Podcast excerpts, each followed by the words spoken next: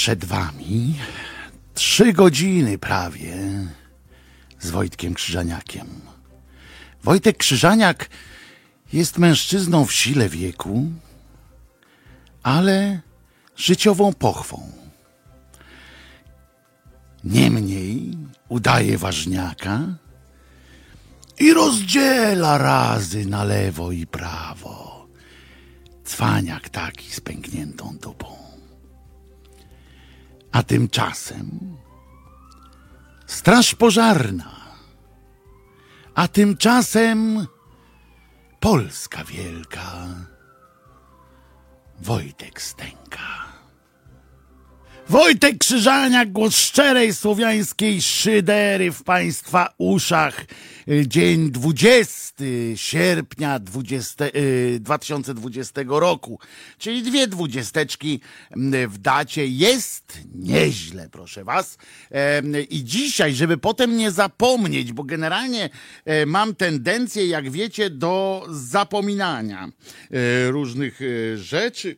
Dzisiaj zaczniemy zatem od jakże atrakcyjnego kalendariuma, które nam ułatwi potem zrozumienie reszty e, dnia. Dnia, bo nie reszty dni, reszty dnia. Dzisiaj jest czwartek, prawda? Czyli taki, taki już prawie piątek, yy, więc już weekend generalnie.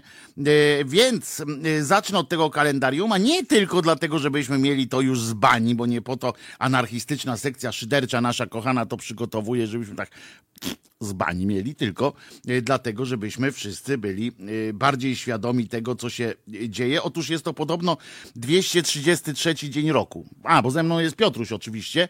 E, Piotrusiu, dzisiaj jest 20, 233 dzień roku, ale to jest małe fiki. Do końca roku jeszcze zostało 40 dni wolnych od pracy. To jest ważna chyba informacja. To ile roboczych dni, to chyba tam nie, nie jest takie aż znowu istotne. Dzisiaj jest Dzień Komara. Tu anarchistyczna sekcja się zastanawia, czy to chodzi o yy, motorower, krwiopijcę, czy może drzemkę ja bym jeszcze dodał, bo, bo tutaj nie ma drzemki, a przecież przycina się komara.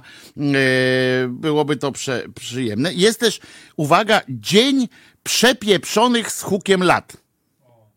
No to ja mam co świętować muszę wam powiedzieć. I jest też, może to się jakoś wiąże z tym poprzednim dniem, Dzień Wyznawania Miłości. I love you.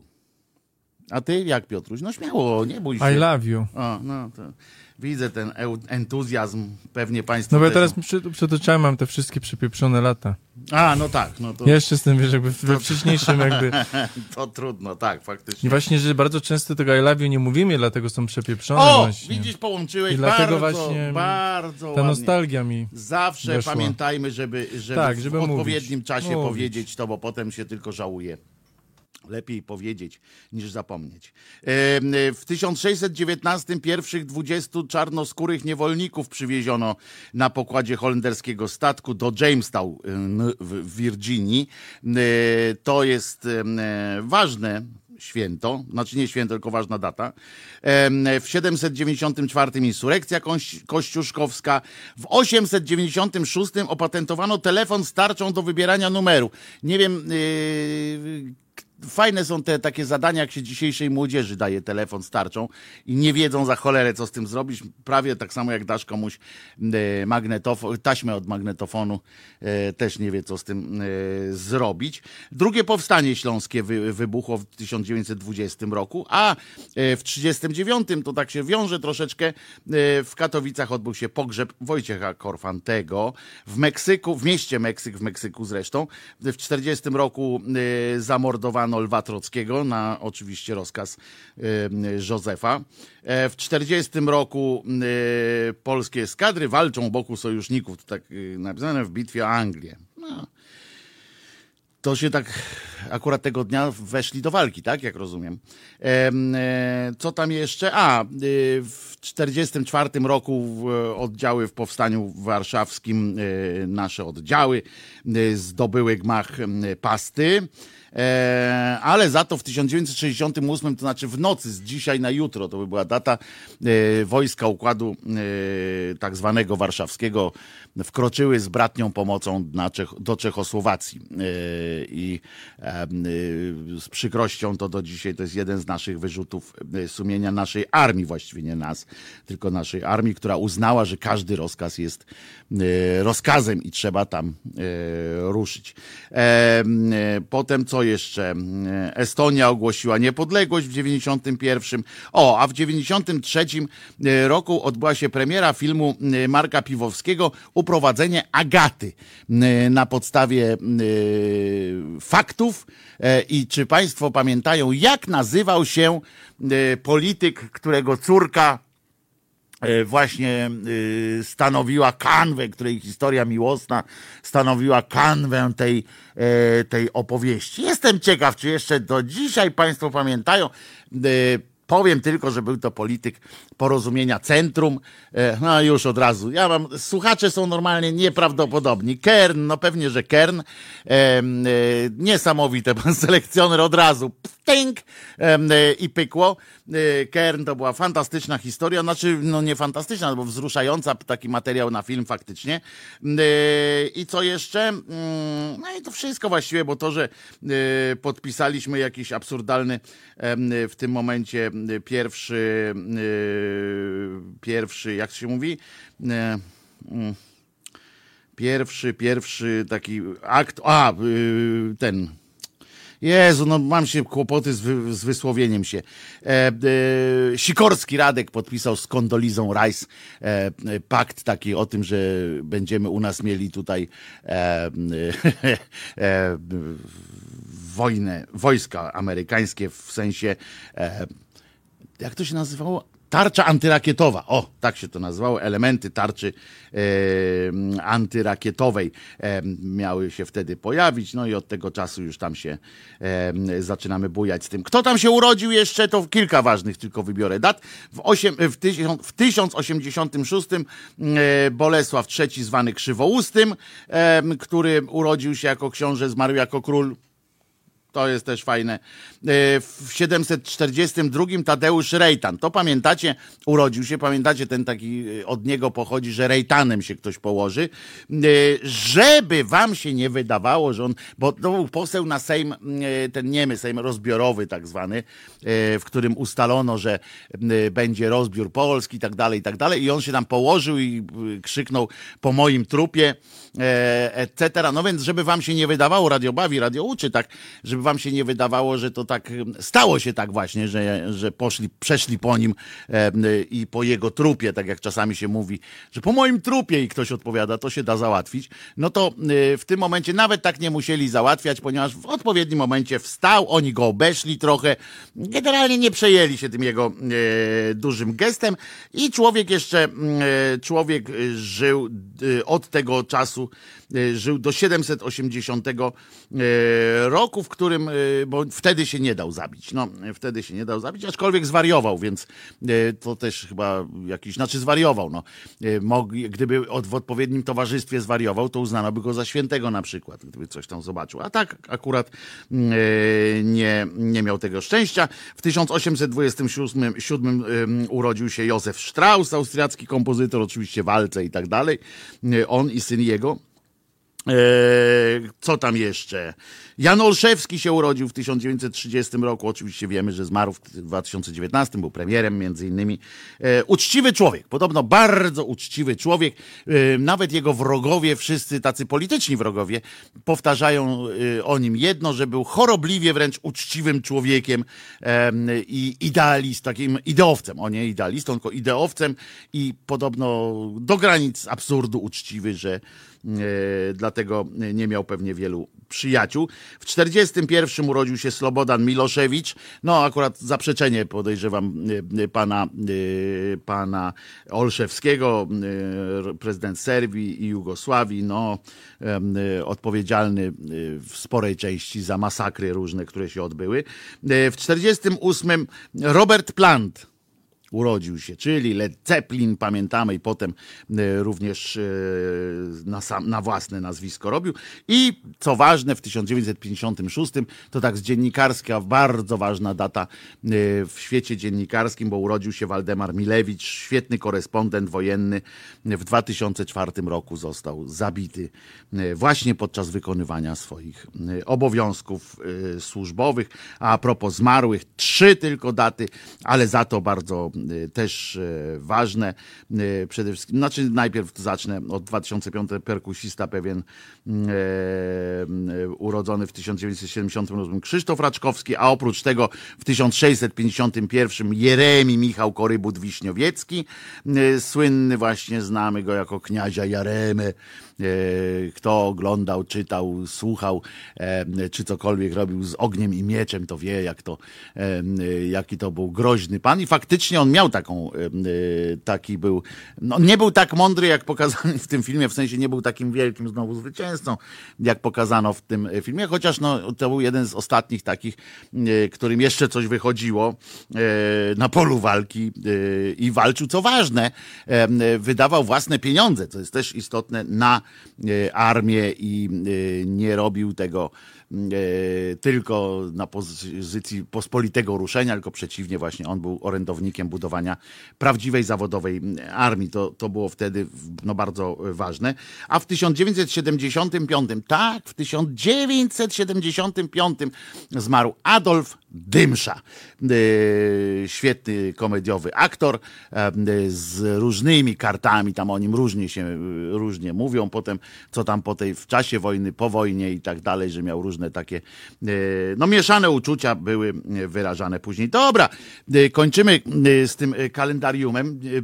Dzisiaj będzie kilka, kilka informacji. Wiecie, o, to jest, znaczy, żeby było jasne, nie chcę powiedzieć, że to jest dobre, to jest y, y, kretyńskie, złe i w ogóle pamiętacie, że e, my w Polsce mamy tutaj swojego Kaczyńskiego, tak? I on jest taki wirażka, wataszka, mamy tego swojego ziobrę i tak dalej, i tak dalej. To są takie popierdolasy.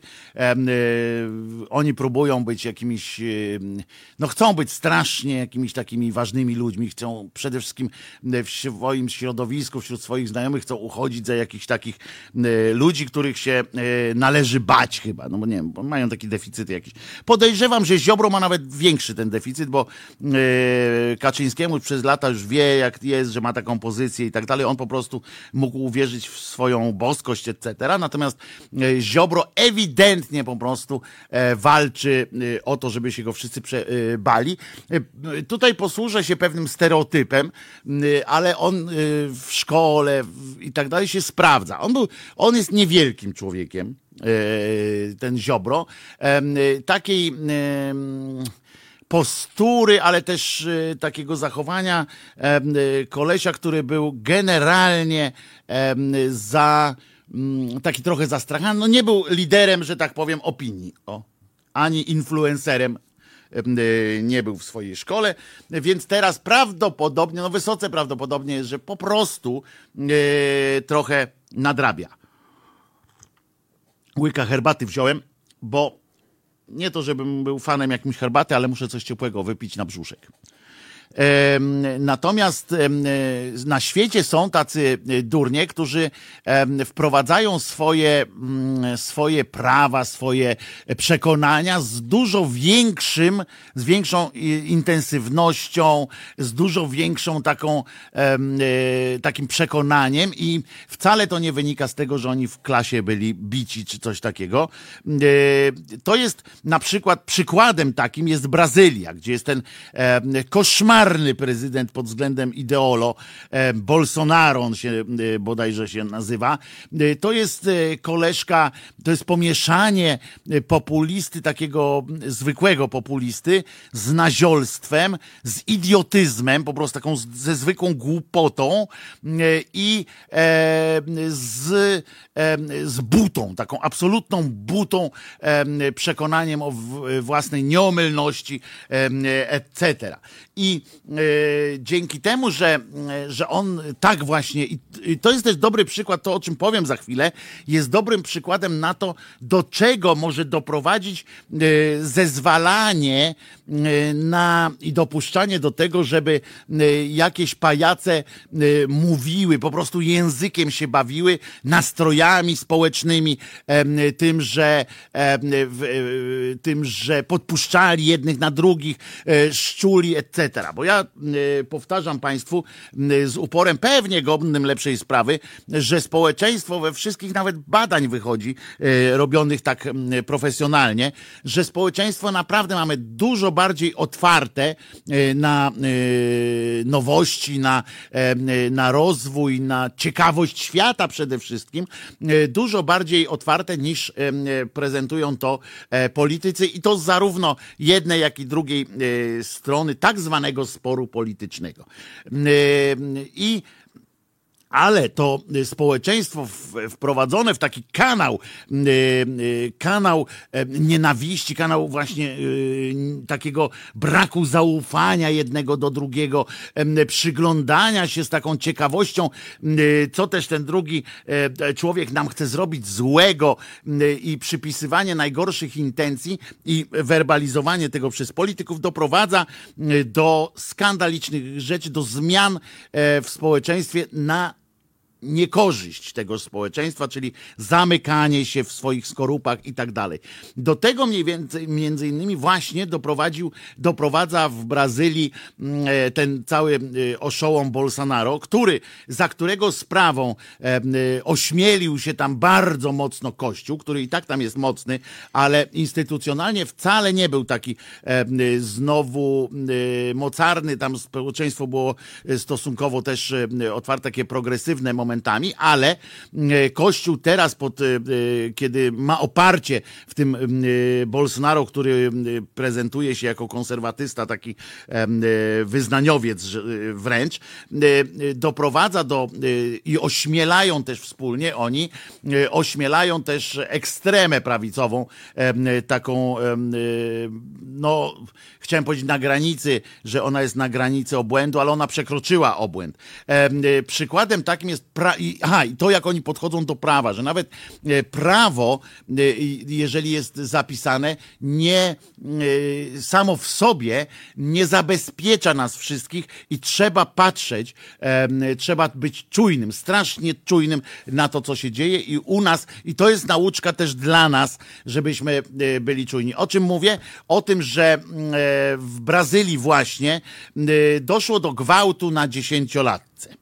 Znaczy to akurat dochodzi niestety w wielu y, miejscach świata, ale tam dochodzi, doszło do gwałtu, który y, zakończył się niestety e, e, ciążą dodatkowo jeszcze dla tej dziesięciolatki.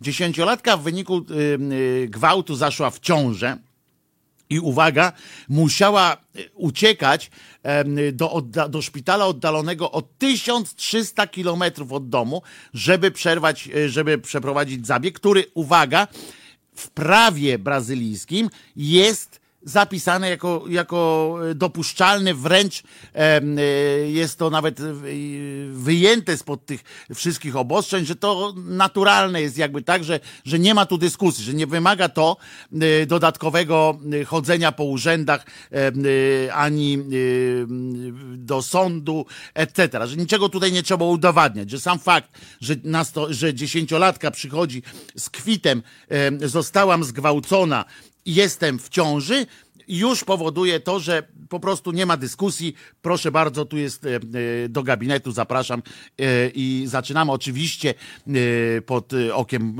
psychologa, bo wiem, że wiemy wszyscy prawdopodobnie, no ja wiem, że przerywanie ciąży dla kobiety, dla kobiety bywa wstrząsem dla organizmu po prostu i dla psychiki czasami, czy często nawet, a co dopiero mówić teraz o 10 pięciolatce, tak, która w ogóle przeżyła najpierw traumę gwałtu, potem y, y, ci ludzie, jeszcze dodatkowo y, ludzie się na nią rzucili, jak szczerbaci na suchar, ponieważ mm, środowiska tak, zwanych, tak zwanej prawicowej ekstremy, kościoła blokują i nawet jak pojechała te 1300 kilometrów, to oni pojechali za nią, rozumiecie? Te cymbały domagają się razem z tym Bolsonaro.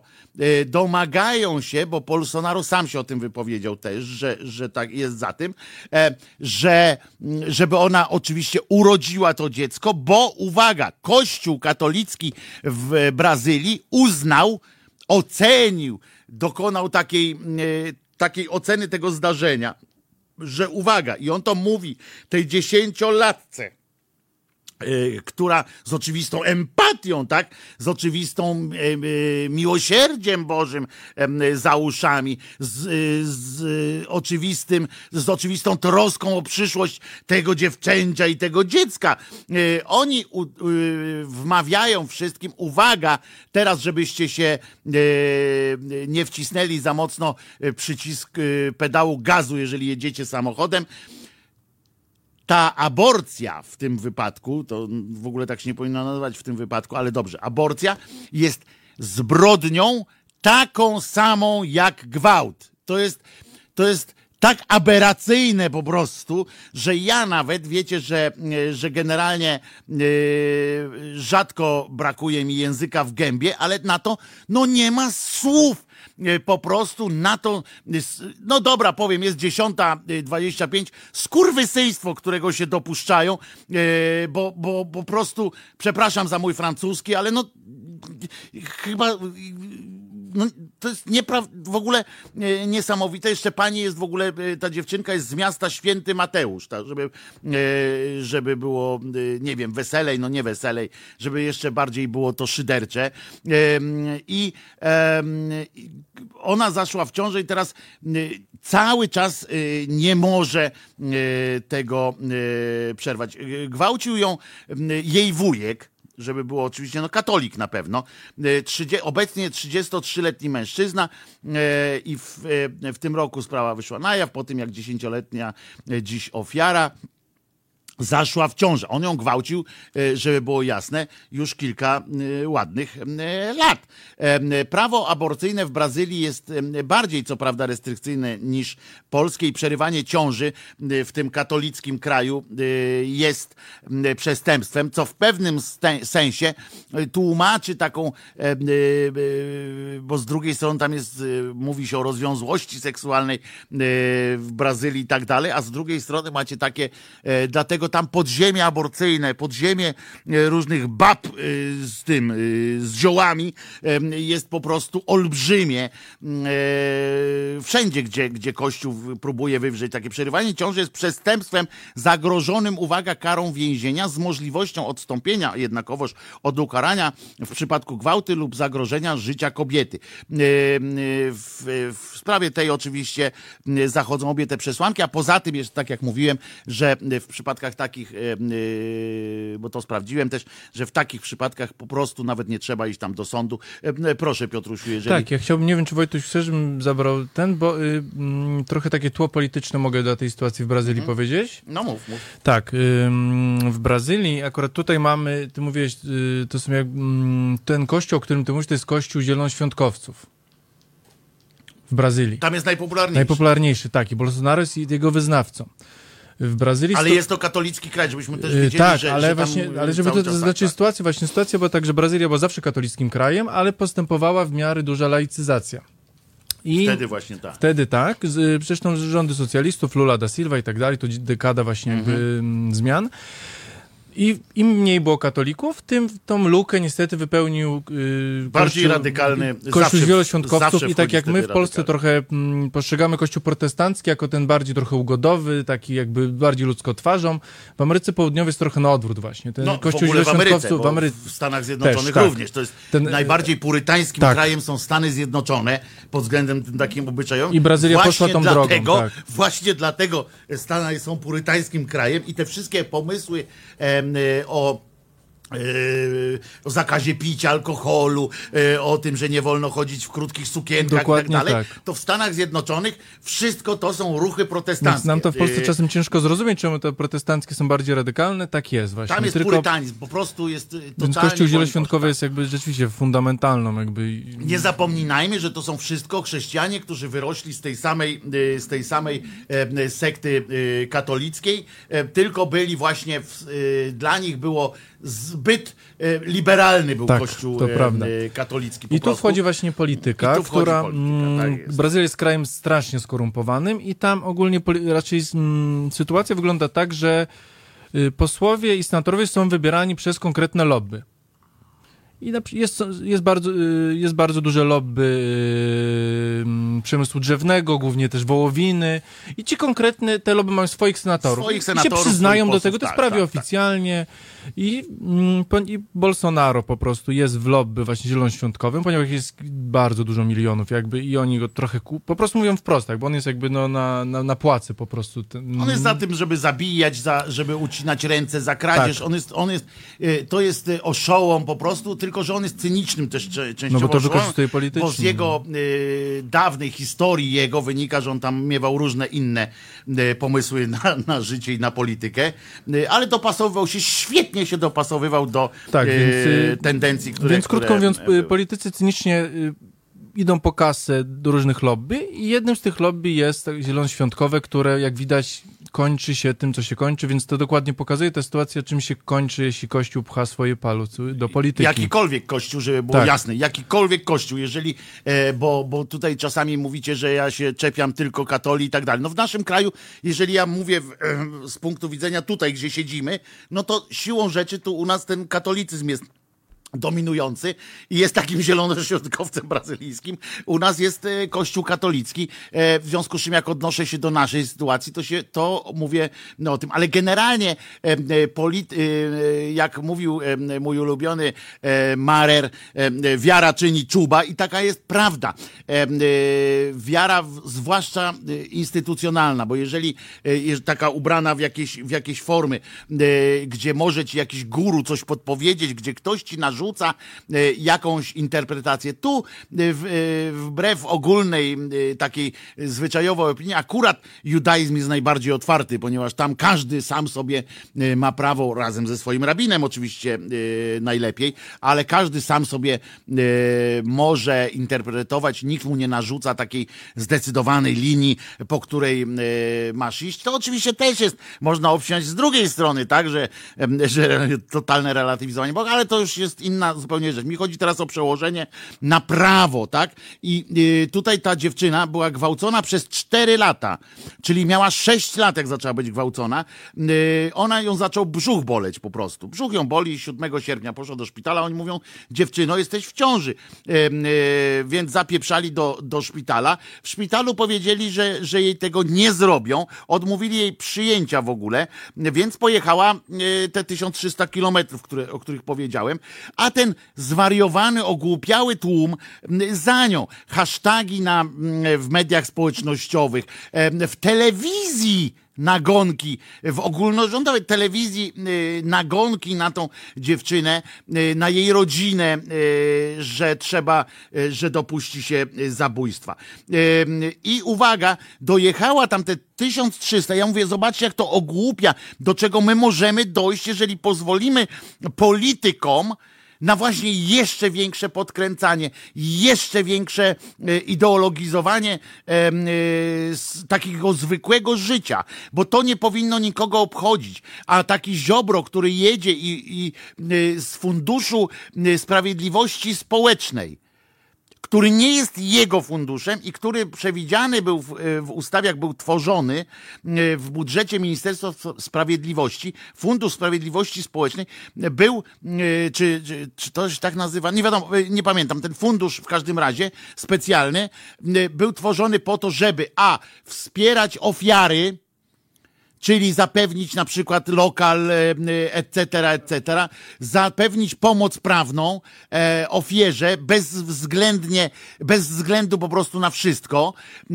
żeby zapewnić tak zwaną opiekę postpenitencjarną, czyli ktoś wychodzi z więzienia, wydaje się, zdaje wszystkie, e, wszystkie e, jakby, mm, jakby to warunki tego i e, wydaje się, że jest człowiekiem, który właśnie chce wejść na dobrą drogę, tak? Chce wrócić do społeczeństwa.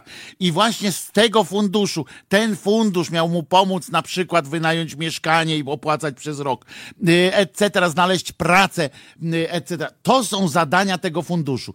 Ziobro jedną z pierwszych decyzji, którą którą e, przekazał, e, e, którą podjął z Sejmem, było rozszerzenie kompetencji, rozszerzenie możliwości, możliwości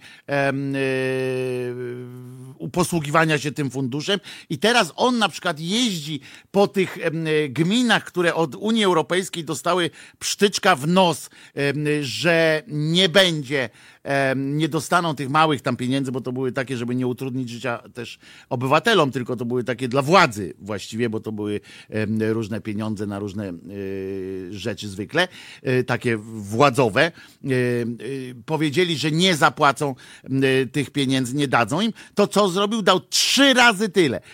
Poszedł i rozdaje trzy razy tyle. Mało tego, żeby on tylko dał te pieniądze, po prostu mówi, no dobra, na, chcieliście na to, już mieliście przygotowane, macie tu pieniądze, chociaż z tego funduszu. Oczywiście nie powinien, tak? Nie bierzcie pod uwagę, że ja tu sobie tak e, e, gwarzę tylko, żeby, że już nawet byśmy olali to, ale on, rozumiecie, jedzie tam ze swoją świtą durniów i opowiadają, dlaczego dali. Nie, że tam jest potrzebny ten pieniądz, tylko oni opowiadają. Wczoraj słuchałem ze zdumieniem, z rosnącym yy, takim przerażeniem tego, jak, ten, jak te cymbały wychodzą. Stoi tam oczywiście yy, ten przedstawiciel samorządu, yy, który y, ośmielony tym wystąpieniem ministra, bo minister tam pojechał, wiceminister jakiś, i on ośmielony tym wszystkim stoi i oczywiście mówi: tak, nie wycofamy się z tego, nie stoimy na straży, on pieprzy o jakiś stanie na straży e, rodziny, e, rozumiecie? I e, oni są zachęcani jeszcze, a ten jeździ i jeździ po tej, po tej Polsce. Będzie i już zapowiedział, że wszystkie te gminy dostaną z Funduszu Sprawiedliwości Społecznej. To jest niesamowite za państwo. I to do tego doprowadzi, bo w tych gminach może być, część ludzi, ja nie mówię, że, że całość, bo tam kilka osób już nawet w telewizji znaleźli takich, którzy mówią, że to trochę im się nie podoba takie w ogóle podejście do sprawy. Y, i na pewno są podzielone gmin, ale w siłę dostali fantastycznego takiego kopniaka do przodu, y, dostała ta grupa, która jest ośmielona y, tymi wszystkimi właśnie bezeceństwami.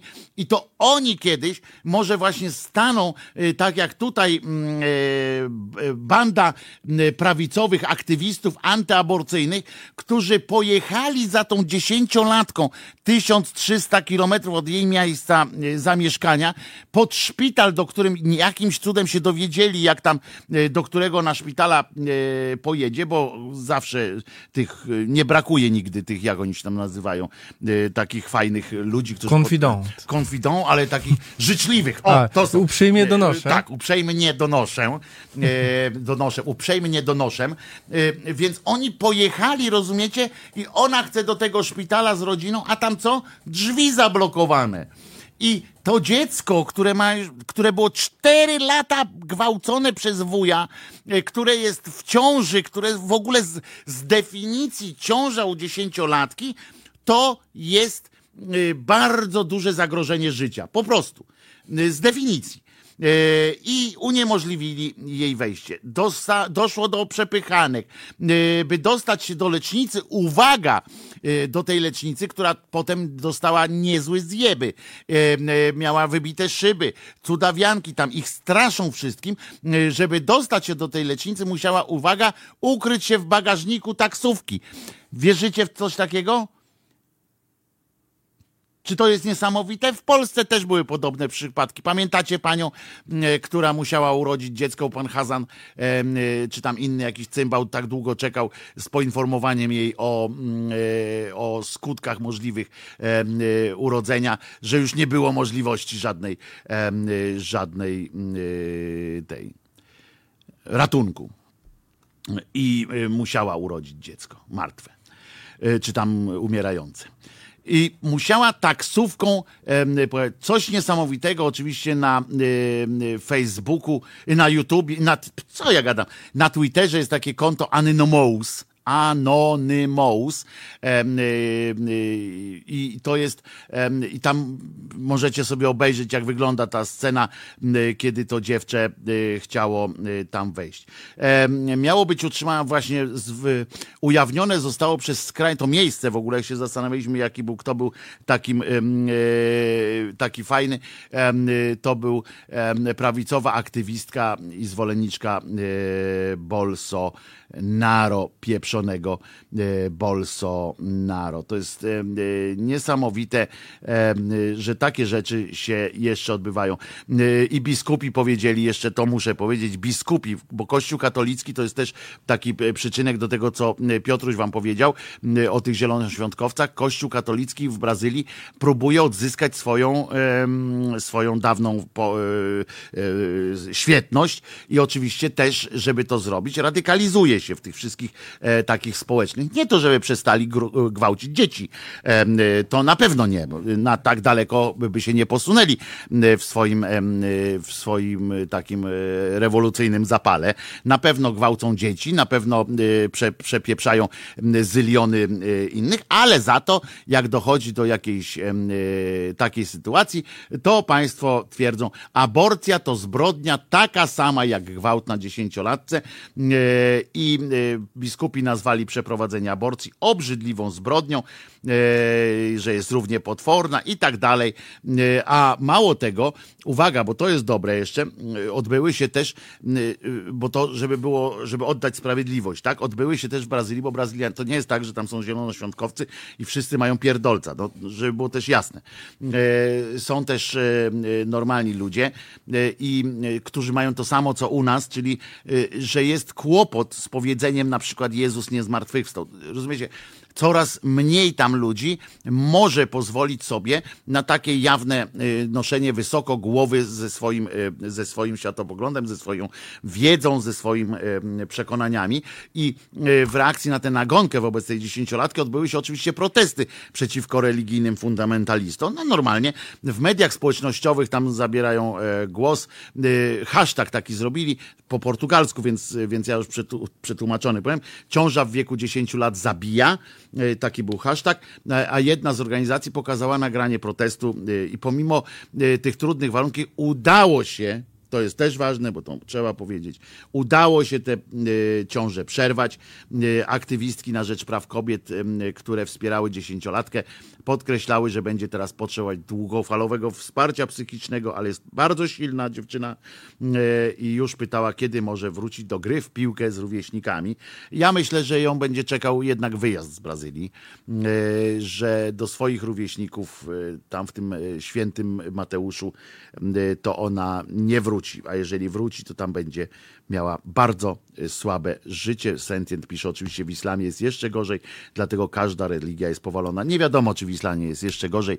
E, to zależy od, od indywidualnego przypadku tak naprawdę. E, wszystkie tak, jak pan dokończył, dlatego każda religia jest powalona. Mówię, każda religia instytucjonalna, każda instytucja religijna jest powalona, bo to, że ktoś wierzy w coś, to jest w porządku.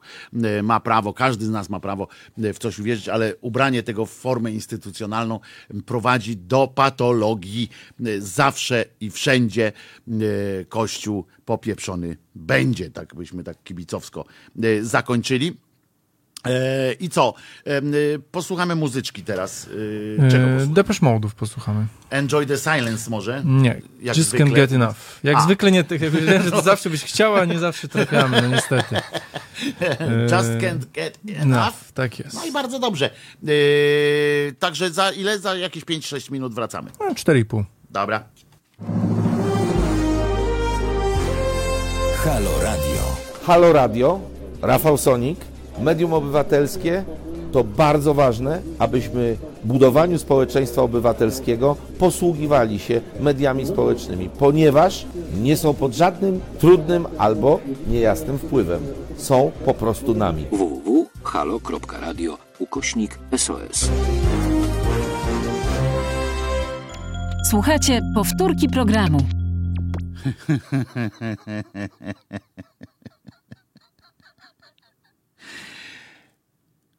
rozbawiło mnie coś, rozbawiło mnie yy, mianowicie to, że e, podejście państwa polskiego, bo tu minister sprawiedliwości, jak wiecie, jeździ po Polsce i e, rozdaje e, nasze pieniądze swoim różnym stronnikom, a okazuje się, że jakiś czas temu, w lutym, moi drodzy, do tak zwanej przestrzeni publicznej, czyli do internetu, moi drodzy, dostały się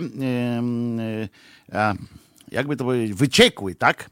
Dane ponad 50 E, tysięcy chyba osób, 50 e, tysięcy osób związanych z sądownictwem, bliżej lub dalej. Masakra po prostu.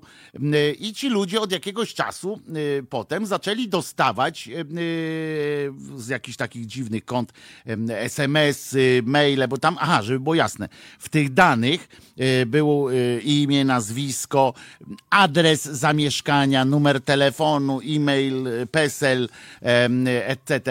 W związku z czym można było również kredyt wziąć na każdą z tych, na każdą z tych osób. Jak wiemy, są takie możliwości, bo e, nawet, albo nawet przejąć tak zwaną, e, jak się mówi, przejąć tożsamość, tak? Przejęcie tożsamości e, wrogie może nastąpić. No więc uwaga, bo ten przeciek nastąpił z takiej szkoły, co się nazywa nam Wyższa Szkoła Sędziów i Prokuratorów. Tam kształcą, już to jest podyplomowa szkoła chyba, z tego co pamiętam, kształcą już samych sędziów i taka, taka nadaplikatura chyba myślę, coś takiego to jest w takiej formie. Ja się na tym nie znam, ale jest taka szkoła i jej dyrektorką była zresztą, czy rektorką, czy dyrektorką, bo nie wiem jaki to ma standing, w sensie taki, czy jest uczelnia wyższa, czy nie, ale mniejsza z tym. Jakaś szkoła zawodowa generalnie dla sędziów i prokuratorów. I i moi drodzy, była pani, która jest teraz pierwszą prezes Sądu Najwyższego. Ona, y, co prawda, w normalnych okolicznościach można by było przypuszczać, że y, pani, y, pani na przykład poda się jakoś do dymisją, poczuje się jakoś w, w tym, poczuje się jakoś zobowiązana do reakcji jakiejś tam. Ona się nie poczuła do takiej reakcji, e, a kiedy ktoś zaproponował, że pani powinna wziąć odpowiedzialność za to, to minister Ziobro powiedział, że gówno, prawda, nic nie musi.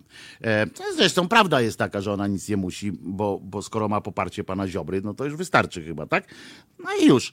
E, I teraz uważajcie, jest, co mnie rozśmieszyło, ja powiedziałem, że rozśmieszyło mnie coś. Przecież wiadomo, że nie rozśmieszyło mnie to, że, że 50 tysięcy ludzi z, z, aparatu sądowego e, trafiło, e, ich dane trafiły w przestrzeń publiczną. E, tylko to mianowicie mnie rozbawiło, że szkoła ta wydała oświadczenie, uważajcie.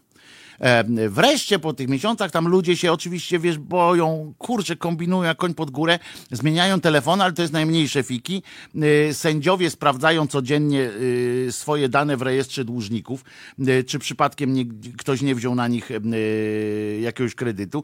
Inni dostają pogróżki po prostu, groźby utraty życia, czy tam jakiegoś maltretowania, etc., etc., za to, że ktoś tam, czy ławnik, czy czy biegły jakiś, bo tam są biegli, tam żeby było jasne, tam są biegli, ławnicy, czyli ci sędziowie, tacy pomocniczy sędziowie, no cuda, wszyscy tam są gdzieś i mało tego, tam prawdopodobnie można też po tych, po tych numerach jakichś tam dojść w jakich sprawach oni brali udział, ale to jest już kolejny poziom. Kto chce, to na pewno to umie zrobić. No i ta szkoła wydała oświadczenie. Pamiętajcie, że to jest szkoła sędziów i prokuratorów, tak? I to jest dla nich każde takie oświadczenie z, yy, z, poziomu rektora, dyrektora, czy w ogóle tej szkoły, to jest też lekcja, to jest też rodzaj lekcji, yy, jak się takie sprawy załatwia. Otóż szkoła yy, wydała oświadczenie, że nie czuje się źle z tym, że to wyciekło, że nie mają sobie nic do zarzucenia, chociaż już wiadomo jest, y, że wyciekły te dane, dlatego że nie dotrzymano procedur y, zabezpieczenia y, przez pracowników zajmujących się IT w, tej firmie. Po prostu latała pewnie ta baza jak Żyd po pustym sklepie, jak się kiedyś mówiło. I y, sobie tam chodziła, latała, więc ją wzięli, y, ktoś sobie skorzystał y, z tego. Ale szkoła nie czuje się źle, bo uwaga, nie można ponad wszelką wątpliwość udowodnić, że te groźby, bo oni w kontekście tych groźb, które teraz mają, wszyscy ci, co mają te groźby, to mówią, że mają pretensje do tej uczelni, tak? Że, że to, co to jest w ogóle, że dopuściliście do takiego skandalu. Więc uczelnia stwierdziła, że nie można ponad wszelką wątpliwość udowodnić korelację między tymi groźbami, a wyciekiem informacji kontaktowych, kontaktowych z tej y, szkoły. I już, y, y, skoro nie można, czyli, czyli już dostali naukę prokuratorzy, prokuratorzy i sędziowie przyszli, jak kombinować, żeby, żeby było po prostu po ich y, stronie i żeby to się y, nic się tutaj nie zmieniało. To tak na krótko powiedziałem tylko, żebyście, żeby dać sygnał y, o czymś, o tym, w jakim, jaki jest status naszego państwa, naszej administracji i żebyście pamiętali też, że wasze dane osobowe też w każdej chwili, które są przekazane do jakiejkolwiek państwowej instytucji, a wiemy, że mają nasze dane wszystkie. One są po prostu ogólnodostępne. Tak naprawdę. Zabezpieczenia są nijakie. E, pani, która e, złożyła dymisję, kiedy tam przedwczoraj czy wczoraj, złożyła dymisję pani wiceminister od cyfryzacji. Ona akurat się tym nie zajmowała, prawdopodobnie się niczym nie zajmowała. E, w każdym razie, e, jak się zastanawiacie, dlaczego, skąd się, bo dzisiaj się podał do dymisji przed chwileczką minister spraw e, zagranicznych, ale jeszcze najpierw powiem o tej pani. Pani młoda, pani, która, Pani Bóg. Pani Bóg, ale drzewo, przez U drzewo, i K. Tak, drzewo. przez U zwykłe i K. I podała się do dymisji, powiedziawszy, że, że jej się znudziło już, bo ona tam tylko na chwilę przyszła, ale tak pięć lat minęło, jak, jak z bicza trzasnął i jej się znudziło, a potem i tak się wszyscy zastanawiali, tak naprawdę, hmm, co się tam, co za tym stoi, co za tym stoi, że ona odchodzi e, tuż za tym z Ministerstwa Zdrowia. Co to takiego, co to takiego się dzieje? No i się wyjaśniło. Otóż pani dostała e, natychmiast, tego samego dnia, uwaga, dostała y, posadę wiceprezesa Polskiej Grupy Energetycznej. A więc umówmy się, że y, skoro nie dostała podwyżki w tym Sejmie, y, z ramienia tego Sejmu do kwoty tam chyba 8 tysięcy i zarabiała marną piątkę, no to teraz jako wiceprezes będzie zarabiała spokojnie y, około, y, no myślę, że mniej niż y, pięć dyszek to, to nie, bo ona by przecież nie wstawała z łóżka, podejrzewam. Została prezeską tego samego dnia. Tutaj my dociekamy jakichś politycznych.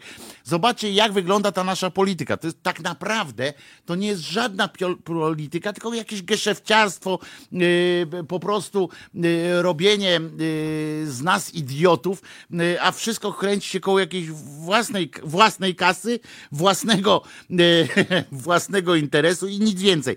E, my tutaj dociekam, tam analitycy e, różni polityczni siedzieli, hmm, może odchodzi, bo ona zajmowała się takim a takim projektem, może to jest jakiś protest, że tam projekt nie przeszedł, a może to jest przeciwnie i analizy jakieś długie, a kto jest ministrem, a kto wiceministrem, a czy to jest walka tych bulldogów pod dywanem, tak? To się tak, tak jakoś i tak dalej, tam hmm, o, o, bon, bon, bon, y, analizy wielkie, stosy książek, artykuły, wiecie ile ludzi zarobiło na tym dobrą kasę, bo pisał artykuł do jakiejś gazety, y, w której płacą dobre pieniądze na przykład.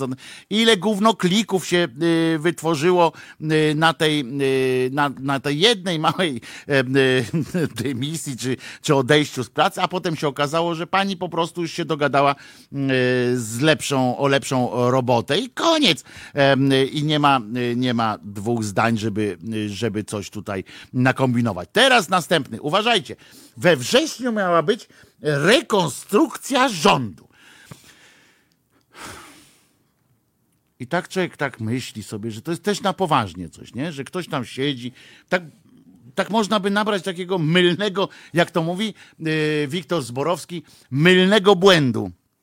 Można by nabrać, em, że, że o coś tam chodzi komuś, nie? Że tam jest jakiś em, Jedni są lepsi, drudzy tak, gorsi, się sprawdzają. Że ktoś tam analizuje jakieś lepsze rozwiązanie. jakieś, zna- tak, wynik- tak. Że coś tu, no dobra, mamy tą rekon, tę rekonstrukcję mm, e, rządu zrobić, więc zastanówmy się. Bilans teraz poprosił na przykład premier Morawiecki e, na koniec, e, e, nie wiem, na, dajmy na to na koniec sierpnia, chociaż powinien na koniec lipca, skoro we wrześniu to ma być już e, organizowane, ale dobra, tam niech im będzie na koniec sierpnia jakiś tam bilans zamknięcia, żeby każde ministerstwo zrobiło, e, popisało się, co miało zrobić, bo tam gdzieś jakieś były zadania wyznaczone. Na przykład, co mieli zrobić, co zrobili, jakie dodatkowe były. No jakieś tak by się wydawało, że to tak, nawet O, takiej Jest dobre słowo, audyt taki. audyt, tak, ale już nawet, ja, ja już nawet tak głęboko nie sięgam. Ja myślę o takim, takim zwykłym na kartce, wiesz, A4, y, żeby, na, żeby ktoś napisał coś w rodzaju takiego listu motywacyjnego, na przykład chciałbym zostać, bo y, udało się zrobić to i to. Takie, już nie mówię o jakichś takich y, wielkich tabelach, chociaż zawsze, bo tabele tam w każdym ministerstwie y, y, są specjaliści od Excela. Są, są. W każdym ministerstwie, jak w każdej korporacji. Są i, i jakby się dało takiemu człowiekowi, mówisz, stary, tutaj dostaniesz bonusik, na pojutrze mam dostać 100 kartek po prostu Excelowych i na czerwono mi podkreśl tylko to, co mam pokazywać. I, no i taki człowiek zrobi. Wiem, sam kiedyś mm, zlecałem coś takiego, jak trzeba było udowodnić jakąś tezę. Y, Po prostu na bazie danych to się mówi, tylko daj mi, bo, bo ja nie jestem fanem, znaczy fachowcem od Excela, w związku z czym tej osobie, y, która jest naprawdę świetna w tym wszystkim, poprosiłem tylko napisz mi pod każdą tabelką, pod wszystkim wniosek. Taki czytelny wniosek i zaznacz mi, do których y, to się odnosi y, liczb, tak? Y, I czy tam pozycji w, Excelu. I okej, i to dostałem w ciągu dwóch dni. Dostałem takie kurcze uzasadnienie wszystkiego, że jak głowa mała. Mało tego, dostałem jeszcze, co ciekawe. O, co ciekawe. A jakbyś chciał, takie coś było tak napisane w formie bonusa, a jakbyś chciał udowodnić, że to wykorzystaj tylko to i to. Takie coś było. Ja całe szczęście akurat nie chciałem tam e, manipulować niczym, tylko chciałem naprawdę, e, ktoś mi powiedział, żeby coś e, przekazać, jakieś tam prawdziwe dane. W związku z czym nie ten, ale tam było takie piękne napisane, a jeśli byś chciał udowodnić, wyrwać świni włos z dupy, to proszę bardzo, to jest zestawienie tego z tym. I to jest najbardziej wyraziste, że każdy, kto to zobaczy, będzie miał będzie miał e, od razu jasny pogląd na sprawę. E, I na tej zasadzie myślałem, że może coś tam e, się dzieje w tym, znaczy żartuję, że myślałem, że tak jest, nie? Ale że robią takie wrażenie, się tak robi, tak? Że, że to jest coś, jakaś poważna gra. I jest nawet seriale o tym mówią czasami. Jak się jak człowiek popatrzy, nawet ten West Wing, choćby e, słynny amerykański e, serial z Martinem Sheenem, e, to można zobaczyć, że nie z Martinem Sheenem, tylko z Sheenem, ale no, mniejsza z tym. I z ojcem Charlie'ego Sheena. O, to Martin, dobrze. Bo jest jeszcze jeden Sheen. No jest Emilio Estevez. Nie, Emilio Estevez, Charlie Sheen i ten Sheen Martin No z tak. rodzina. I jest jeszcze jeden Sheen, który nie, nie jest, e, który nie jest e, rodziną, a też znanym e, aktorem.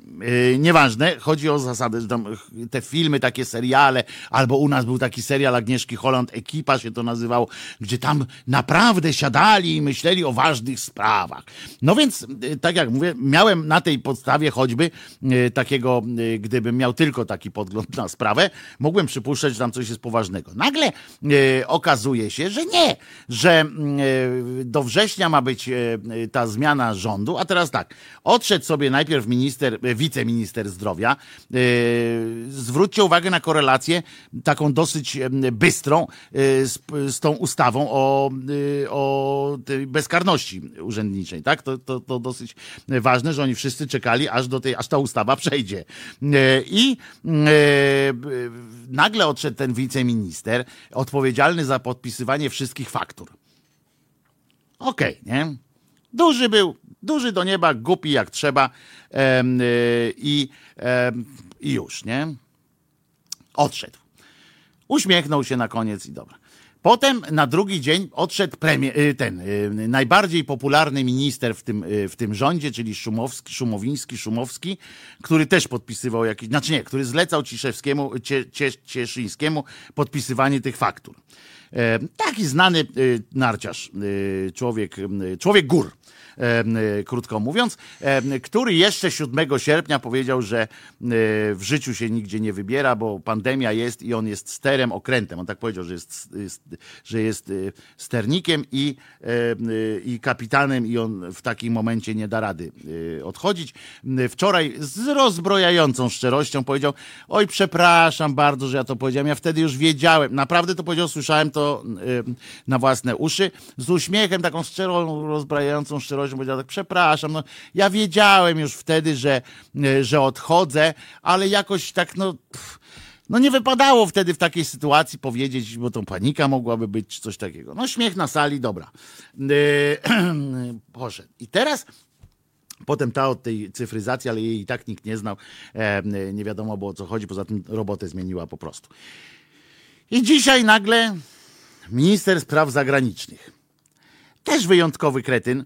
E, e, W tym sensie, mówię, nie nawet taki, że on głupi jest jakoś strasznie sam w sobie, tylko że jako, e, jako polityk, jako ten minister spraw zagranicznych to jest dyplomata. O, jako dyplomata, bo się poruszał na tym wszystkim jak, jak ślepiec i te, te rozmowy z nim tam, jak on rozmawiał z kimś, to wyglądało wszystko jakby ślepy z, z głuchym o kolorach rozmawiali. Mało tego, nie miał nic do powiedzenia, absolutnie nic e, do powiedzenia, bo jak tylko raz się tam coś wyszarpał, e, z siebie wypluł jakieś słowo, które uważał, że jest prawda, e, to że tam tak powinien, to zaraz mu e, premier powiedział, że tak nie jest, e, a jak innym razem coś innego powiedział, to mu prezydent powiedział, że tak nie jest. E, I tak chodził taka, taka melepeta e, z jednego, odbijali go jak tą piłkę w tym takim e, bilardzie e, i się tak odbijał, taka, taka, taki człowiek, ja wiem, taki podobny zresztą do niego, charyzmę miał y, taką porównywalną, mię- tak może do, tej, do tych naszych tutaj lampek czerwonych, tak, taką charyzmę miał. Na świecie ja wiem, czy ktoś w ogóle wie, że on się zajmował u nas, że był w randze ministra. Nie jestem pewien e, nawet, bo i tak wiedzieli, że trzeba z kimś innym to załatwiać wszystko. To taki człowieczek, ale to dlaczego on y, odszedł, dlaczego taki nawet człowiek, taki, który, którego, z którym się nikt nie liczył, nic mu się nie, e, nie, nic od niego nie zależało, bo on żadnej mocy sprawczej nie miał przede wszystkim, e, tylko taki administrator tej, tej, tego chodzenia, do kogo mam list wysłać, e, to e, on zdecydował się na taki gest, że wiadomo będzie, że o nim powiedzą coś, bo gdyby on odszedł w ramach tej, e, tej rekonstrukcji, to by było wiadomo, no dobra, to ktoś inny przyjdzie i tak dalej. Tak wynik jest podziału tych, tych urzędów w ramach partyjnych jakichś tam. A tutaj odszedł i właściwie nie wiadomo, nie? Bo ani go, ani go nie, nie można y, podep- podpiąć pod to, że, że, że, że to jest jakiś protest, bo gdyby on powiedział na przykład odchodzę, bo źle działamy w związku z Białorusią na przykład. Nie podoba mi się to, że nie wysłaliśmy tam y, naszej ekipy jakichś tam y, ludzi. Y, Dlaczego na przykład powiedziałby, że, że nie zgadza się z tym, z tamtym, z owym, albo że mam inną robotę na przykład. No to, to byłoby. No może jutro się dowiemy, no że nowa robota, bo to jest jak mówisz z dnia no na tak, dzień, to no może tak, jutro to, się, dowiemy. dowiemy. Ale on to chyba poszedłby na urlop, on, ma, on jest w wieku emerytalnym. Chyba ma dosyć I tak dalej. E, proszę was, czy, y, Piotruś, czy mamy Piotra Szczepanika w bazie danych naszych muzycznych? Poszukam. Ponieważ zmarło się Oj. Człowiekowi. Mm. E, ja o nim powiem parę słów po piosence, jeżeli mam, bo chyba mieliśmy jak, jakąś piosenkę Piotra Szczepanika. Nie, nie ma. Nie mamy. E, szkoda. E, to pójdźmy jakąś smutniejszą e, piosenkę, jeśli możemy, nie taką z play, chyba, że na playliście mamy akurat też taką, no żeby już to nie było teraz jakiejś takiej Dobrze. hura hura. E, dobrze, a e, i po piosence powiem parę słów o Piotrze Szczepaniku.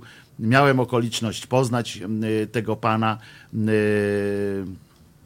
Przykro mi jest, bo to człowiek, on nie miał wcale takiego wesołego życia i wcale nie był taki szczęśliwy z powodu tych swoich e, przebojów. To co, to, co tam wybrałeś? Phil Collins będzie, Another Day in Paradise. Bardzo ładna piosenka. Też mi się wydaje. Z filmu zresztą, który był też niegłupi. Y, posłuchajmy w każdym razie y, piosenki. Pamiętajmy, Piotr Szczepanik zmarł. Może poprosimy Martynkę, żeby w tak zwanym międzyczasie coś do bazy wrzuciła i jak nie w tej audycji, to może u Kornela Wawrzyniaka w aktualnościach. Myślę, że warto po prostu przypomnieć tego E, artystę. E, a teraz posłuchamy Phila Collinsa i wracamy za parę minut na audycję, do audycji.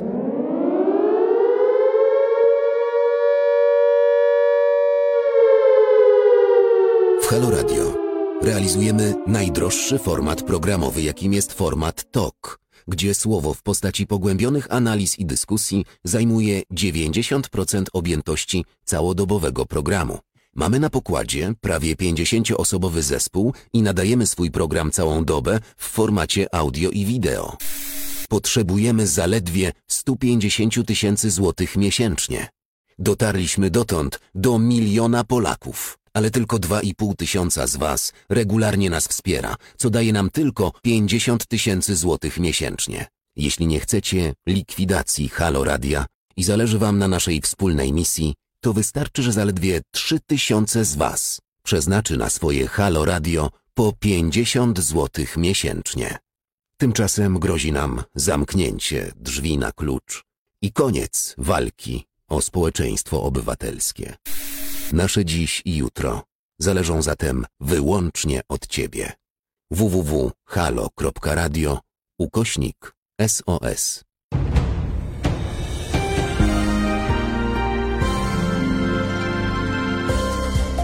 Halo Radio. Pierwsze medium obywatelskie.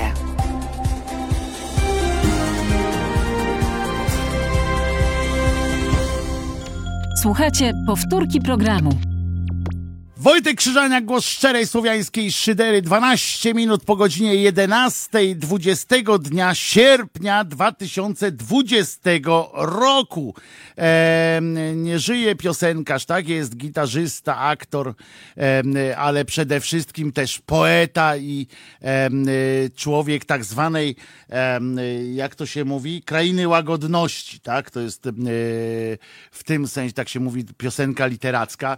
E, E, przy okazji, e, jak emitowaliśmy jakąś, którąś z piosenek e, pana, pana Piotra, czy była jego rocznica urodzin chyba, to mówiłem wam nawet, ale może już nie pamiętacie, o tym, że y, my go znamy, wszyscy go znają w Polsce, nawet ci, którzy nie interesowali się y, tą starszą e, muzyką, e, przecież e, kochać, tak, goniąc kormorany, żółte kalendarze, goniąc kormorany, nawet przecież pan nasz sułtan improwizacji Marek Grabie świetnie tutaj opisał, tak, skąd się to bierze.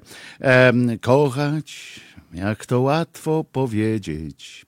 E, tak śpiewał ten, albo przesyłaj, choć puste koperty.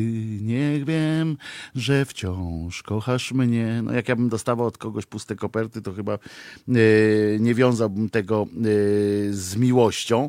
Niemniej chcę wam powiedzieć, że to wcale nie było dla pana Piotra jakieś wielkie hurra wydarzenie ta jego popularność. Ta popularność akurat tych piosenek, dziękuję Ci bardzo Piotrusiu, ta popularność akurat tych piosenek nie była dla niego naj...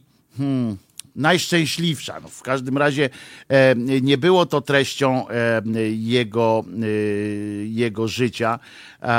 Nie był z tego powodu bardzo szczęśliwy, ponieważ szum, który wokół niego się wytworzył, był mu całkiem obcy. To był człowiek, który, który lubił spokój, który lubił poezję. On właściwie by chciał być postrzegany przez, przez ludzi jako człowiek właśnie od poezji śpiewanej, y, od y, różnych takich rzeczy, chociaż nie brakowało mu przecież w latach 60. Y, i chyba nawet jeszcze 70. takiego estradowego sznytu, zapału, również z Jackiem Fedorowiczem, pamiętam, prowadził taki cykl estradowy, podróżowali sobie i robili, ale najczęściej występował właśnie e, ze swoimi pieśniami, romansami, e, z gitarą, tylko gitara i on e, miał fajny głos, taki ciepły, niski, który, który rozczulał po prostu. I był oczywiście, a śpiewał też ostatnio piosenki Adama Nowaka, znanego z raz, z raz dwa, czy, ponieważ te E, te rzeczy go bardzo e, też interesowały, to poezja właśnie, to mówię, to, to kwestia poezji. Był człowiekiem zaangażowanym politycznie e, również. To na początku w roku 80 i przez cały stan wojenny prowadził taki festiwal piosenki prawdziwej. Potem w Muzeum Archidiecezji Warszawskiej związał się też z takim kościółkowym trochę klimatem. Był E, po stronie Lecha Wałęsy, kiedy, e, kiedy Lech Wałęsa, e, kiedy Lech Wałęsa był prezydentem, ale potem związał się z Prawem i Sprawiedliwością, znaczy szczególnie z panem Lechem Kaczyńskim. Poparł też Prawo i Sprawiedliwość. Tutaj ja nie chcę akurat, nie będziemy, że tak powiem, nie będziemy roztrząsać jego politycznych akurat wyborów, bo to nie o to chodzi, ale faktycznie było tak, że poparł go, poparł też Jarosława Kaczyńskiego Kaczyńskiego w wyborach prezydenckich w 2010 roku, etc., etc. E, był pod tym względem, był związany bardziej z tą właśnie stroną e, prawą, natomiast e, i tak w świadomości publicznej, takiej szerokiej opinii publicznej, tak to się nazywa, będziemy zawsze go pamiętali z tych największych jego przebojów, które to, które to przeboje, tak jak mówię, nie były dla niego przez cały czas przynajmniej. Oczywiście on do nich się odnosił z wielkim E, szacunkiem, natomiast e, e, mówię, nie było to, nie wykorzystywał ich, tak? Nie, do końca życia nie było to tak, że on był, jeździł wszędzie i śpiewał tylko te piosenki. Mało tego, kiedyś jak go poznałem, to było jeszcze w latach 90. i ktoś go prosił o śpiewanie tych piosenek właśnie, jak gdzieś była taka impreza, pamiętam, i ktoś tam krzyczał, żeby zaśpiewać kormorany, kormorany, tak pamiętam ten, ten krzyk takiego kogoś, to on się strasznie zirytował wtedy, bo on tam miał wtedy taki program poetycki właśnie, e, konkretnie taki opisany program poetycki e, z konkretnymi e, pieśniami, e, romansami, wierszami, e, takimi zaangażowanymi, a tu ktoś jakiś tam siedział, kormorany, kormorany e, i bardzo to pamiętam pana Piotra znerwiło, że tak powiem. Rocznik 42. On też mówi się o nim gitarzysta, on gitarzystą wcale nie był takim znowu mistrzem mistrzem gitary, chociaż no dobrze sobie radził, ale nie był takim znowu e, mistrzem mm, e, gitary, jak można by się było spodziewać po tylu latach. E, I e, grał też czasami w filmach. E, to nawet nie wiedziałem, muszę, tutaj spojrzałem na film polski, żeby zobaczyć. On, to, że tam zagrał w 66 piosenkarza na zabawie, to, to ja też takie mam trup rozkładający się na przykład, nie? Krzyżaniak w roli trupa, Y, ale w 79 zagrał główną rolę y, jako Pawła Kobyckiego w Chamie. Y, No to już, to już duża rzecz. Y, A potem jeszcze Kto nigdy nie żył jako przeor klasztoru i Mój rower. Y, To jest fantastyczny film, który wam polecam przy okazji, tak w ogóle. Mój rower się ten film nazywa. No cóż, kolejni odchodzą. No, no, jak przyszli, to i odchodzą, nie?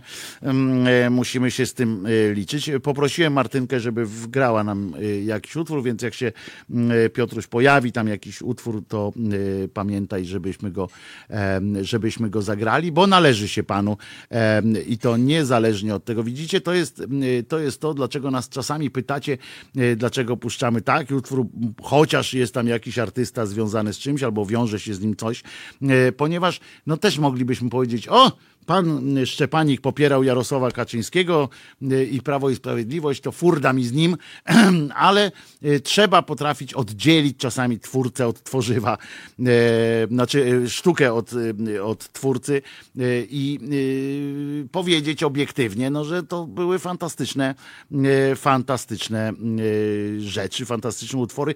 Ja przyznam, y, że jak z panem y, Piotrem rozmawiałem i jak słuchałem tych jego poetyckich mm, y, wykwitów, to y, muszę wam powiedzieć, że mnie nudził. No, y, jak szczerze, to szczerze. No. Nudził mnie strasznie.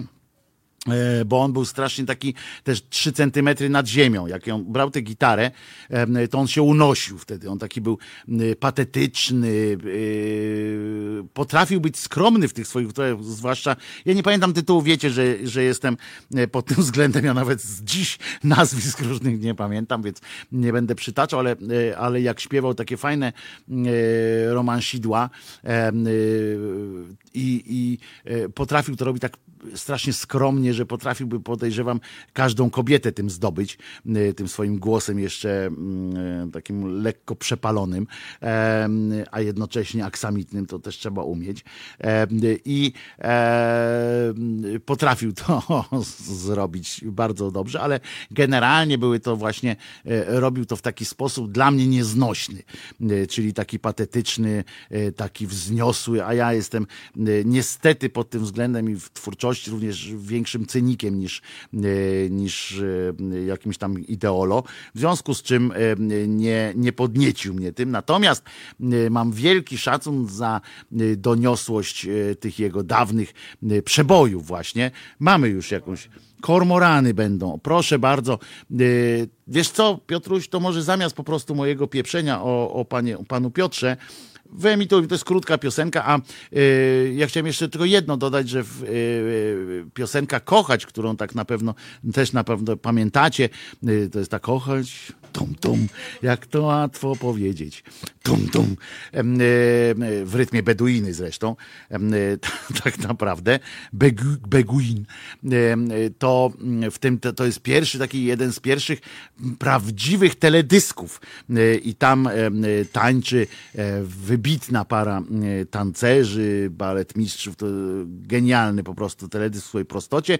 E, Natomiast Goniąc Kormorany, no to już był zrealizowany, jeśli chodzi o film, to był zrealizowany już w formie takiej, e, e, weź tu jakieś zdjęcie zrób e, z nad jeziora, niech sobie kormorany lecą, to ja to potem jakoś skręcę. Tak, tak jak powstawały takie filmy.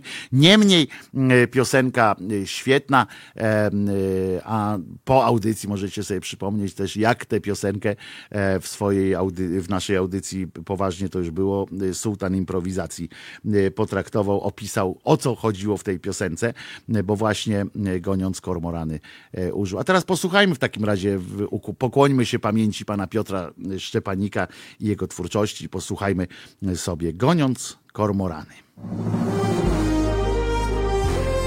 Halo Radio. Cześć, to Sylwia Hutnik, jestem pisarką i wspieram Halo Radio, które jest jedynym radiem e, obywatelskim, czyli takim, które nie tylko tworzone jest oddolnie, ale przede wszystkim utrzymywane przez nas słuchaczy i słuchaczki. Zachęcam Was do tego, żeby wspierać je finansowo i żeby słuchać tak jak ja. www.halo.radio ukośnik SOS. Słuchajcie powtórki programu. Wojtek Krzyżania, głos szczerej słowiańskiej szydery w Państwa uszach. Y, Jak wiemy, w rządzie y, jest y, zamieszanie, ale, ale jest jeden minister, który wydaje się być bardzo zadowolony z siebie i nie ma zamiaru chyba ustąpić. Tak mi się wydaje. Jest to minister z błędem w nazwisku czyli Piątkowski. E, on chyba ma na imię Łukasz, czy mi się wydaje? Nie, nie zresztą nie, co, za, co za znaczenie ma, jak on ma na imię. E, to, jest, e, to jest chłop, o którym można powiedzieć tak z pełnym przekonaniem, e, duży do nieba, głupi jak trzeba, jak powiedział Pawlak o Kargulu. E, I e, to jest taki typowy właśnie mm, koleżka. Na szczęście minister sobie przypomniał, wczoraj miał konferencję o tym, że szkoły mają być otwarte. Od września mają iść do szkół y, i ten człowiek y, to jest koleżka, który e, generalnie jest bardzo zadowolony z siebie i nie ma sobie nic do zarzucenia. Mało tego, jest, postawił się na, na pozycji z góry wygranej jako zgłasza co jakiś czas pewne dobre rady dla szkół na przykład y, i y, jedną z takich wczoraj wiodących rad, których, y, których udzielił dyrektorom szkół i w ogóle żebyśmy wszyscy pamiętali, to przypomniał o czym? Że co zmniejszy zdecydowanie y, ewentualność, zagrożenie w ogóle y, zakażeniem COVID-u w szkołach. Wietrzyć salę trzeba. Y, więc zapowiedział specjalnie konferencję, tak aż się wydawało, że to był taki e, motyw przewodni. To się może odymiać na przykład. No jeszcze może okadzić, to, ten, to jeszcze bardziej. Pajęczyna ta z chlebem. To za bardzo słowiańszczyzną zajeżdża, tu Aha. bardziej katolickie klimaty typu właśnie okadzić i tak dalej. To bardziej bym w tę s- stronę poszedł. Gromnicę jeszcze mógłby yy, zaproponować, yy, wystawiać i każdy yy, po, po prostu oprócz krzyża, bo krzyż to jest tylko tam yy, fiki-miki, natomiast jakaś z matek boskich powinna tam yy, jeszcze funkcjonować i wtedy, wtedy już, bo chyba jest więcej szkół niż plasterków skóry tej jakiejś świętej, które są dostępne w Polsce, czyli relikwii nie porozdaje wszystkim szkołom, ale wietrzyć klasy trzeba, zwłaszcza jak się je dobrze okadzi. to, to, no, Pan Piątkowski oczywiście mógłby zacząć od wietrzenia swojego mózgu, ale yy, na to nie wpadł yy, i poszedł. Wszyscy do szkoły generalnie, yy, ponieważ minister ustalił, stwierdził na tej konferencji wczoraj, na tym takim jakimś posiedzeniu, czy, czy co to było, jakiś, że ustalił, uwaga, że Ministerstwo tej Edukacji ustaliło z Ministerstwem Zdrowia i Sanepidem, że oni ustalili to po prostu. Y, Mniej więcej tak jak y, papieże, czy tam ci, y, jak się biskupi zbierają i ustalają, na przykład z ciałem ją wziął do nieba. Ponad wszelką wątpliwość. Oni to ustalili między sobą. Tam ni- nikt nie pytał jakiegoś zainteresowanych ani, ani nikogo. No więc tak samo pan minister stwierdził, że ustalił z Ministerstwem Zdrowia, Sanepidem, że szkoła, uwaga, nie jest miejscem, gdzie wirus porusza się między ludźmi jakoś szczególnie żwawo. Znaczy nie tak powiedział, ja to parafrazuję oczywiście. On nie zna słowa żwawo więc by tego nie powiedział. No w każdym razie, że wirus w szkołach nie jest y, specjalnym zagrożeniem, jakimś większym niż gdzie indziej. Co prawda nie przetestował tego jeszcze, bo wcześniej szkoły pozamykał, oczywiście jak było mniej zachorowań y, informowanych, to pozamykał te szkoły, żeby się uczniowie nie zarażali. Teraz jest więcej, y, w związku z czym y, otwiera, ponieważ no ustalił. No to jak ustalił z ministerstwem, a wiemy, że Ministerstwo Zdrowia w Polsce jak coś powie, to już jest e, pewnik, a jak ten szef od Sanepidu coś powie, to już w ogóle wiadomo, wszyscy mamy lód do majtek włożyć od razu e, e, wszystkim e, przeszło. Najważniejsze jednak, uważajcie, jest to, że minister wbrew powiedzeniu, jak się nie obrócisz, dupa zawsze z tyłu, jest takie powiedzenie, tak sobie wszystko, słuchajcie, ułożył, że niezależnie od tego, jak będzie z tym nieszczęsnym COVID-em, on będzie wygrywał i dupę miał będzie zawsze z przodu. Zamiast ryja oczywiście, ale jak ktoś tak lubi. Zresztą umówmy się, że yy, na dobrą sprawę już dziś może taki triumf ogłosić, bo w jego planie nie ma, rozumiecie, słabych stron. Ani jednej. Nie ma. Chyba, że czegoś nie doczytałem, ale wątpię, e, bo długie to to nie było. W każdym razie tak to sobie wszystko poukładał. Tak połączył, rozumiecie, przepis z przepisem i przepisem przeplótł, że odpowiada już praktycznie za nic.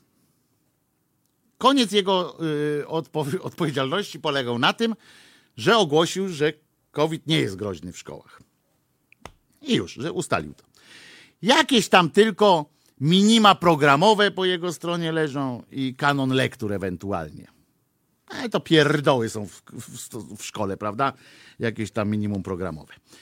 I on powiedział, aha, resztę obowiązków i odpowiedzialności przeniósł po prostu na samorządy i na dyrektorów szkół. Po prostu. E, e, że jego decyzją, czyli fantastyczna decyzja po prostu, że on nie ma odpowiedzialności, taką podjął e, decyzję. Powiedział, że wszystko jest przygotowane. On powiedział, po prostu e, stwierdził, e, że wszystko jest przygotowane. Chwalił się przez, e, przez tam ileś czasu, jak tam był na tej konferencji, cały czas uspokajał, że nic komukolwiek grozi. Czyli nie grozi, to się mówi, ale ja tak zawsze a propos tej logiki języka, powinno się mówić nic grozi, tak? A nie nic nie grozi. No więc, yy, bo coś nie grozi. No ale to dalej się śmiejemy trochę. No w każdym razie, yy, że stwierdzi, że wszyscy jesteśmy bezpieczni, yy, a jeżeli coś się stanie, to też powiedział, ktoś zachoruje czy coś takiego, to już będzie ewidentna wina innych. Yy, tych, którzy na przykład za słabo wietrzyli klasy, jak się domyślam, o to chodzi.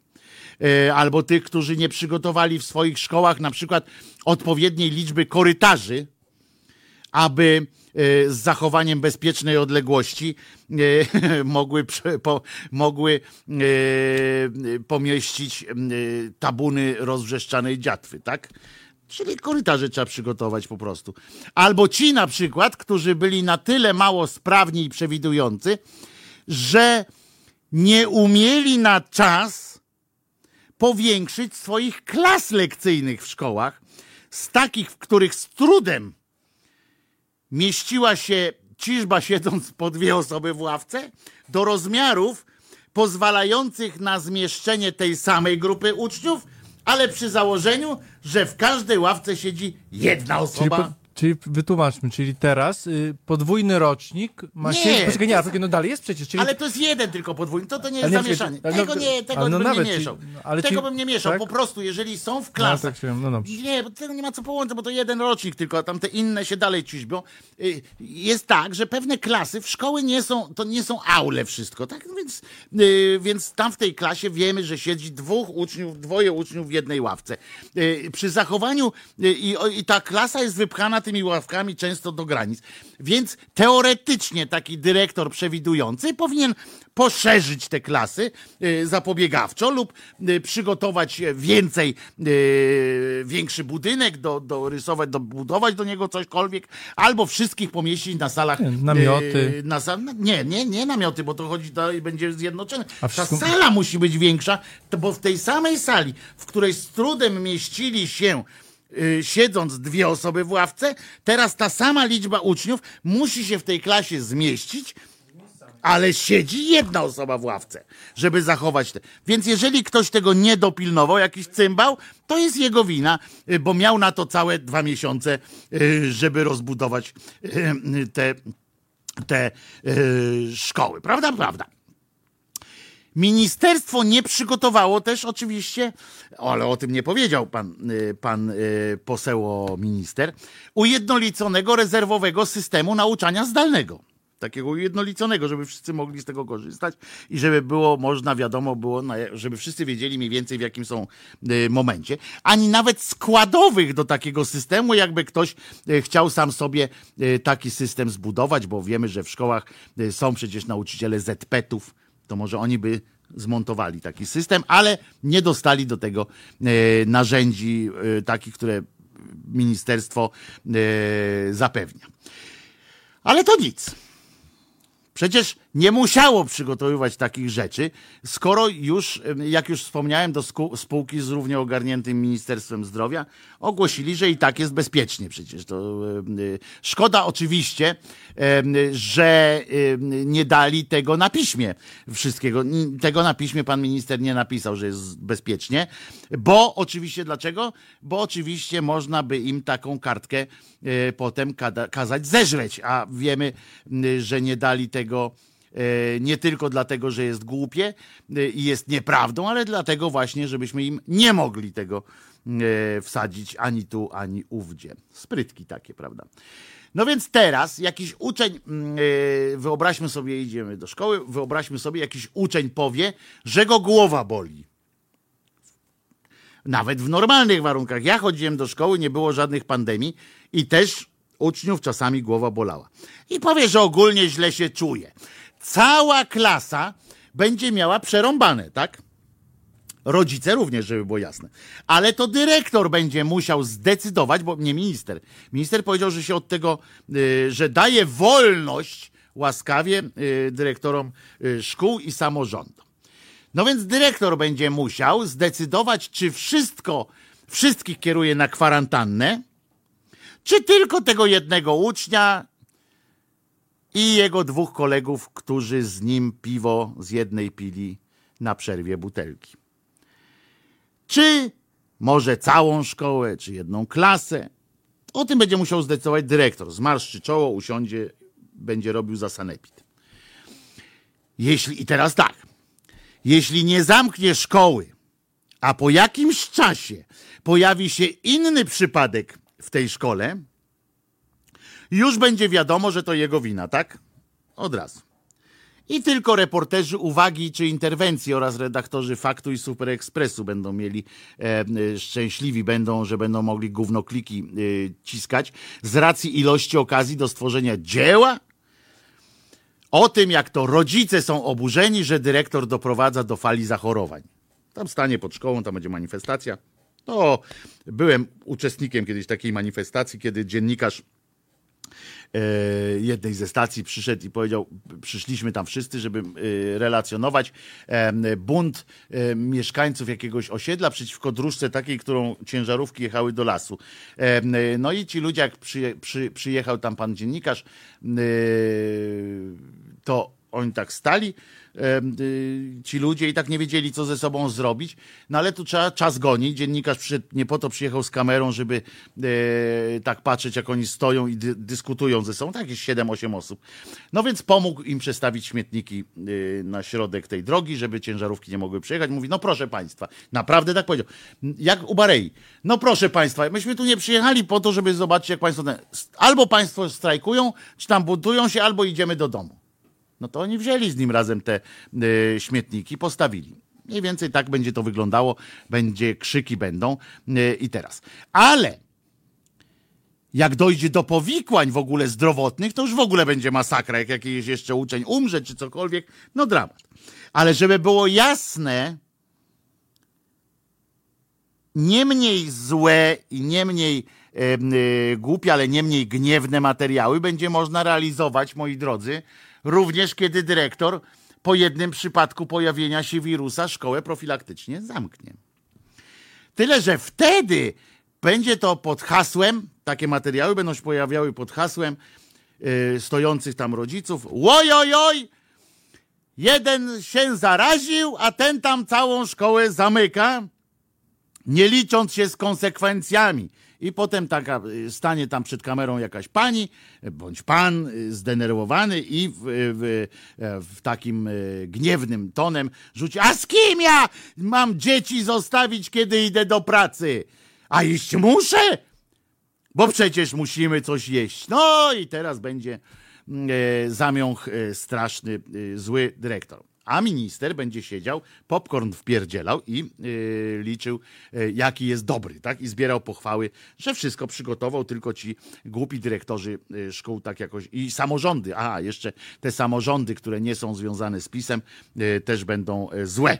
Yy, o serii żartów i fałszywych alarmów organizowanych dla jaj przez uczniów, to nawet nie ma co wspominać, prawda? Bo wiemy, że takie będą, zwłaszcza w okresie jakichś podsumowań, yy, kartkówek lub takich rzeczy. Każdyśmy, wszyscyśmy do szkoły chodzili. Yy, Wszak minister w każdym razie nie ma co o tym wskazywać, bo być może tego nie będzie wszystkiego, bo yy, podczas tej samej konferencji minister zalecił, uważajcie, czy wręcz nakazał, yy, yy, zakazał takich żartów. Powiedział, że nie wolno, że będą wyciągane konsekwencje. Więc jak będą te żarty, no to też nie jest wina już ministra, bo on przecież zakazał. Yy, więc to nie mogą być jego, więc jak będą, to będzie to ewidentna yy, wina dyrektora. Generalnie pan minister Piątkowski zachowuje się tak, i, i spora część ministerstwa i yy, kuratorów zachowuje się tak, jakby nigdy do szkoły nie chodził. Yy, po prostu. Za to przeczytał jakiś tak około coś pierdyliona y, książek y, uczonych, teoretyków o tym, jak szkoła powinna wyglądać, albo y, nawet jak w ich przekonaniu ona wygląda. Po prostu, tylko z pozycji teoretycznej. Jeśli nie studiowaliście jak ja, na żadnym z pedagogicznych e, e, kierunków e, czy nauczycielskich kierunków, to nie jesteście sobie nawet w stanie, moi drodzy, wyobrazić, ile tam się wciska gówna do głowy adeptów tych, tej, tych uczelni. Ile tam jest do nauczenia się i do zaliczenia teoretycznych konstruktów systemów edukacyjnych, nie mających, moi drodzy, nic wspólnego z prawdziwą szkołą i nie mogących mieć najmniejszego przełożenia na prawdziwe życie.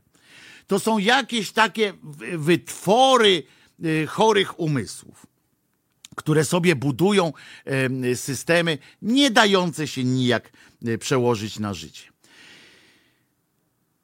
I czasami tak jest, że ktoś się naćpa tam na tych uczelniach tych, e, tych, e, tych, tego gówna, e, naćpa się tym i pójdzie zamiast uczyć, to od razu idzie w profesory.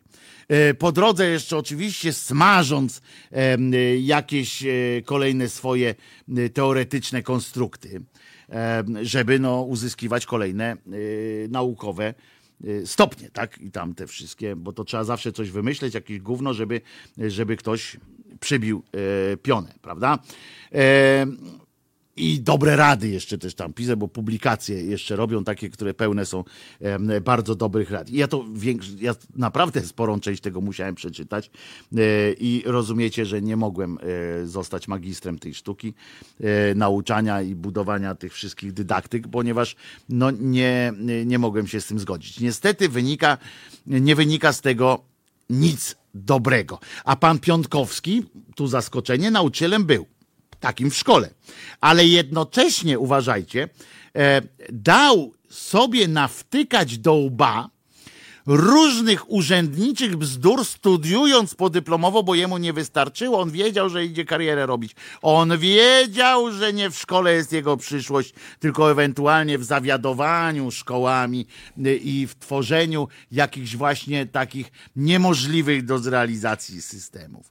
W związku z czym on sobie dał nawtykać do łba różnych urzędniczych bzdur, studiując podyplomowo między innymi zarządzanie oświatą na Uniwersytecie w Białym Stoku. To oczywiście nie mogło doprowadzić do niczego y, dobrego. Nie, po prostu nie. To są szkoły, to są szkoły, te kierunki takie, to, są, to jest wylęgarnia najgorszego urzędniczego szrotu. W tym sensie, że właśnie oni budują y, kwestie, na przykład próbują ująć w Excel y, proces nauczania, próbują proces wychowania ująć w Excel, próbują w Excel ująć y, życie szkoły. I pan Piątkowski jest ewidentnym przykładem na to, że to nie działa, ale że tak właśnie ludzie to robią. Ci właśnie dydaktycy, nauczyciele i tak dalej.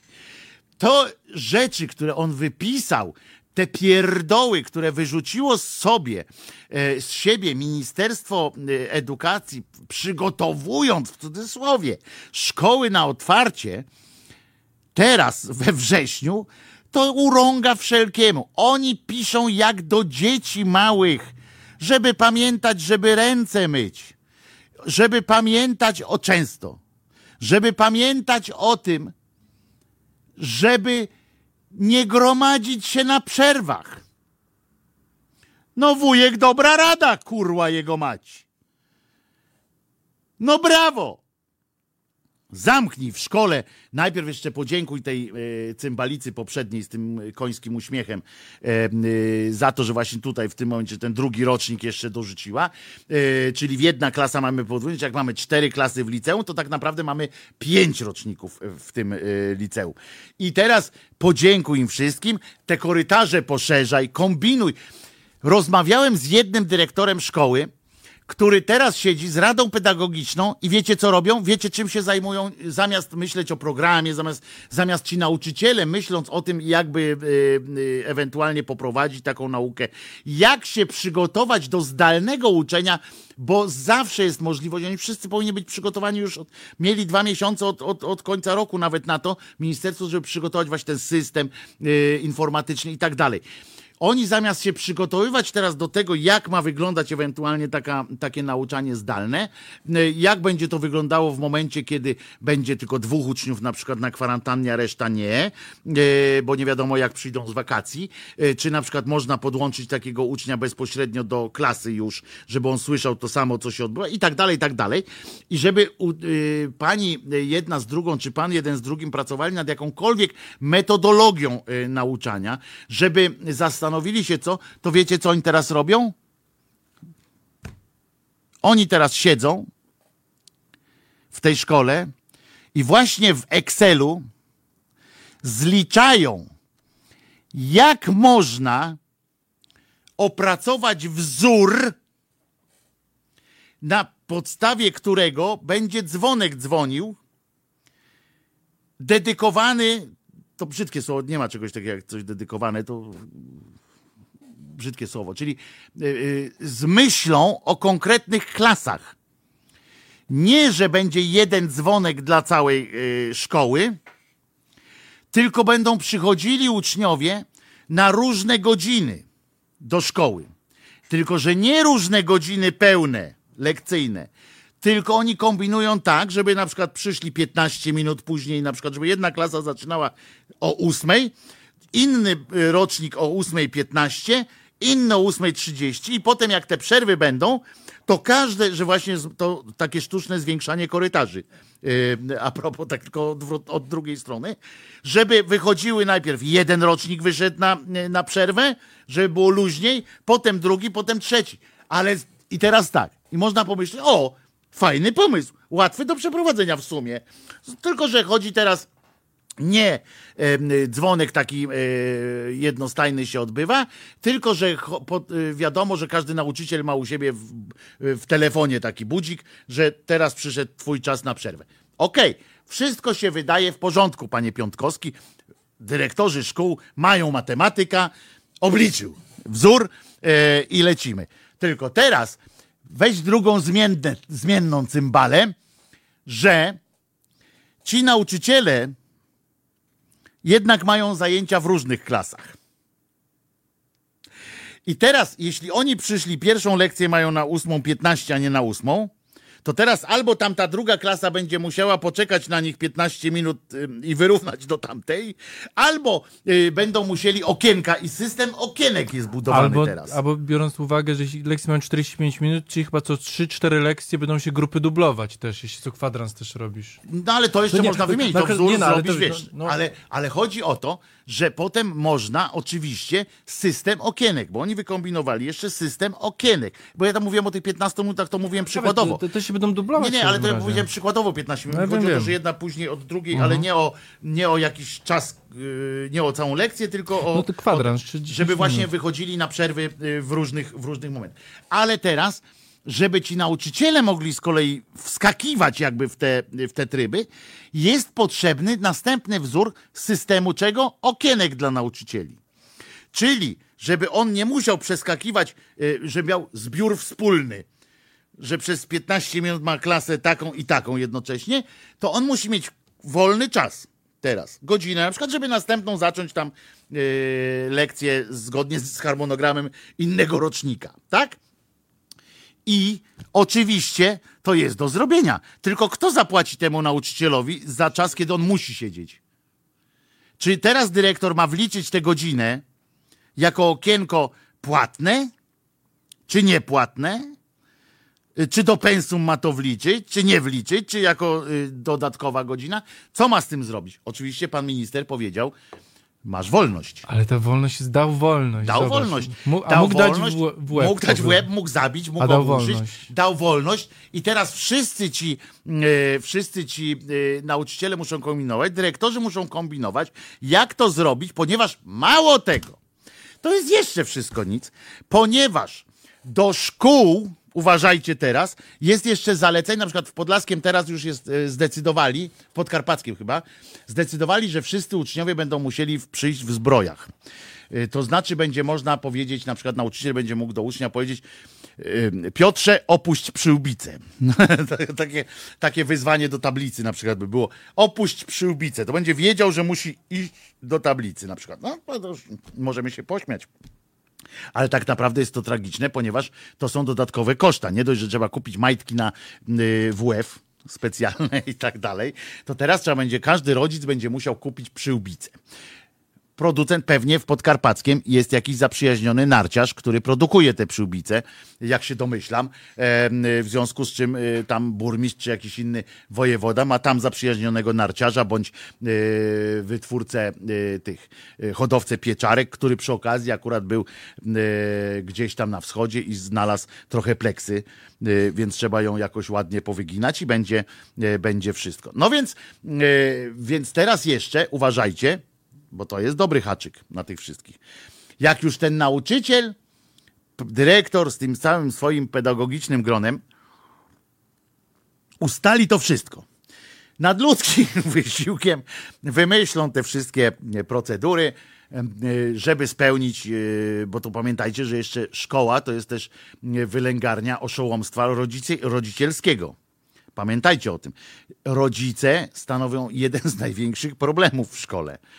Oczywiście, że tam rodzice mają stanowić i tak dalej, i tak dalej, ale z, w praktyce rodzice to jest wrzut na dupie każdej szkoły.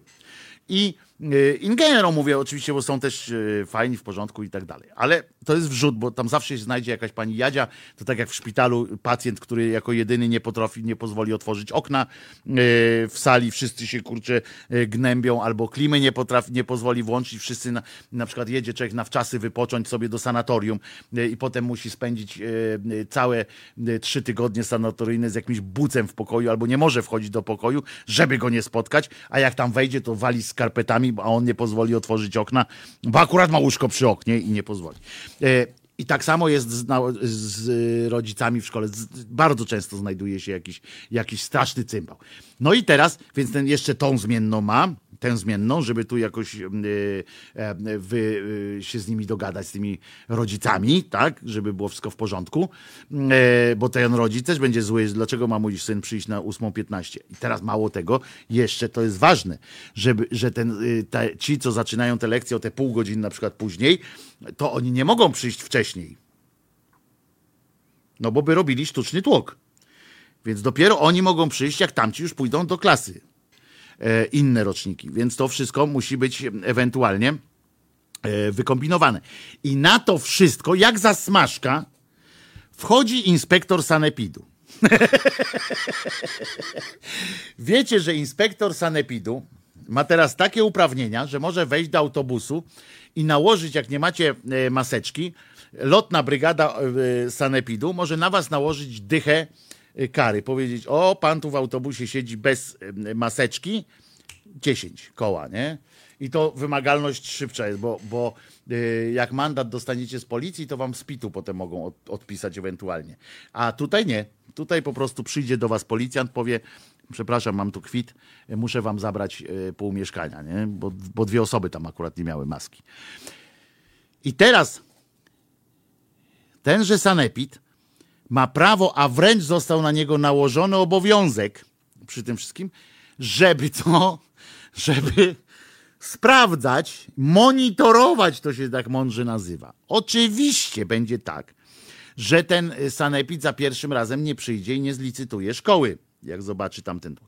Ale będzie się wpierdzielał pewnie co jakiś czas. Proszę tu rozrzedzić, tu proszę przesunąć, tam proszę, że podłoga za mało umyta. Jest tak w takiej szkole, bo pamiętajmy, że jest serwis sprzątający w takiej szkole. Pani sprzątaczka, która kiedyś się mówiło panią sprzątaczka, dzisiaj jest serwis sprzątający, chociaż same panie sprzątaczki w szkołach, wiem dobrze, bo, bo znam, yy, mówią o sobie, że są sprzątaczkami i im to nie, nie przeszkadza, bo sprzątają.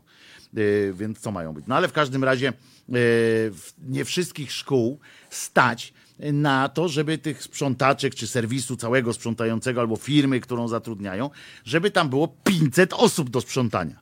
Szkoła ma odpowiednią ilość korytarzy, zostało nałożone na nią co?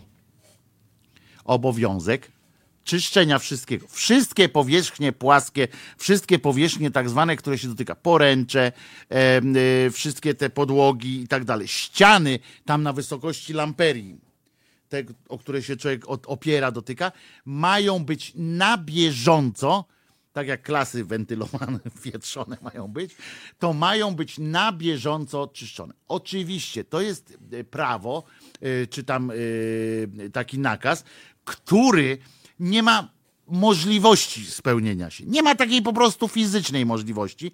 Nie ma takiej zajebistej sprzątaczki w Polsce, która razem z innymi koleżankami, nawet jakby latały na tych miotłach, to nie zdążą za tą ciżbą sprzątać wszystkiego w tym. Do tego jeszcze toalety dochodzą. Do tego każdy jeszcze ma obowiązek, jakie tam będą. Naprawdę to jest kwestia tego, że, że tam wałki finansowe ktoś robi na tym straszne. Nie dość, że jak te będą te przyłbice, to ja mówię, że to trzeba kupić. Y, to zawsze jak coś takiego jest, że że jak na przykład wprowadzamy nakaz kas fiskalnych gdzieś tam, nie? A skąd mam wziąć? E, pan Jurek produkuje tutaj akurat właśnie, zaczął w zeszłym tygodniu produkcję kas fiskalnych e, i ma po okazyjnych cenach. No to tak samo tutaj będzie, to tutaj tak samo będzie z tymi wszystkimi, e, jak rozumiem, płynami na przykład, te wszystkie płyny. Zwróćcie uwagę, uczeń ma przy, po każdym kontakcie z innym uczniem i tak dalej, ma nasprejować sobie ręce. Szkoła ma obowiązek zapewnić ten płyn odkażający. Nie tylko pani sprzątającej, która ma to, yy, ma ogólnie to sprzątać. Ma zapewnić każdemu uczniowi dostęp do tego psikacza. Jakie to są hektolitry dziennie? Jakie to są to są po prostu pierdylitry. Przecież tego będą. I teraz umówmy się, że jak gdzieś zabraknie komuś, co ma ten dyrektor? Będzie wodę tam wlewał ze spirytusem, żeby tylko tam było, że uczeń, że uczeń sobie coś robi. To jest, panie Piątkowski, debilny plan. Ale żebyś pan miał jeszcze przygotowany właśnie ten plan B, w sensie co ma zrobić później, tego nie ma i nie będzie. Ale pan jest zadowolony z siebie bardzo. I teraz dobry moment jest na to, żebyśmy posłuchali hymnów. Do hymnu. Słuchajcie powtórki programu. Wojtek Krzyżania, głos szczerej słowiańskiej szydery w Państwa uszach, a w moich oczach widzę na czacie naszym e, e, przy e, YouTubie, że Państwo się tam pokłóciliście w ogóle. Jedni, że nauczyciele to nie robi, inni, że przeciwnie.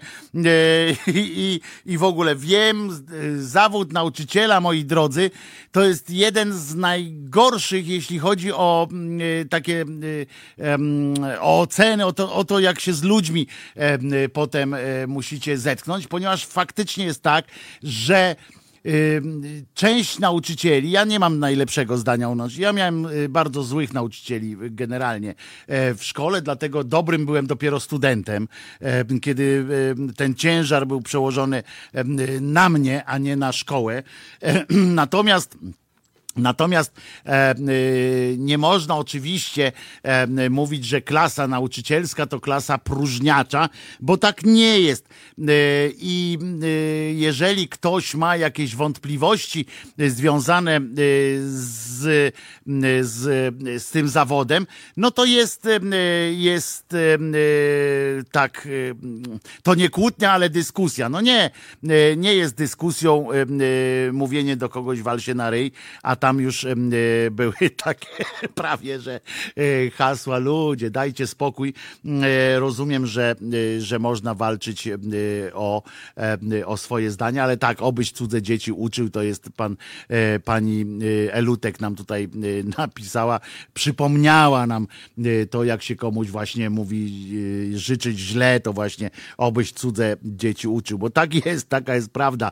W związku z czym nie wieszajcie psów od razu na wszystko, wszystkich, bo to samo można powiedzieć o, mm, o lekarzach, jak, jak przyjdziesz na SOR e, i tam spotkasz lekarza, który nie będzie, e, nie przyjmie cię w jakimś takim fantastycznym nastroju, ale generalnie lekarze są potrzebni, tak samo jak generalnie nauczyciele e, są potrzebni. Ja mam dużo zastrzeżeń do nauczycieli, ale z drugiej strony e, wiem, że, że byłoby Dużo, y, dużo lepiej by było, gdyby były jasne y, struktury. Zwróćcie uwagę, że wszystkie reformy szkolnictwa, które się odbywały, to odbywały się na, na takiej zasadzie i to uwierzcie mi, że, że dla nau na nauczycielach też się nie odbija dobrze.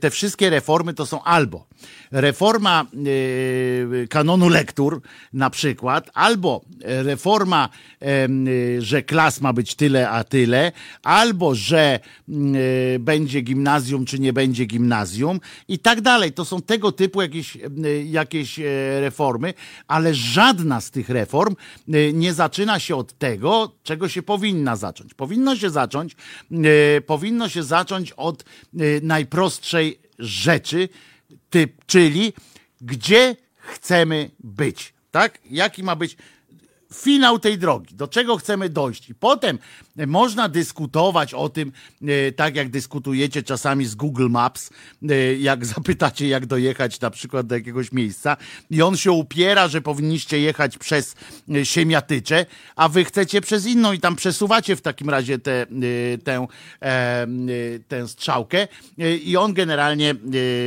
może też doprowadzić. Tak na tej zasadzie to działa. Oczywiście w szkole szkołach na świecie znany jest e, proceder nauczania domowego.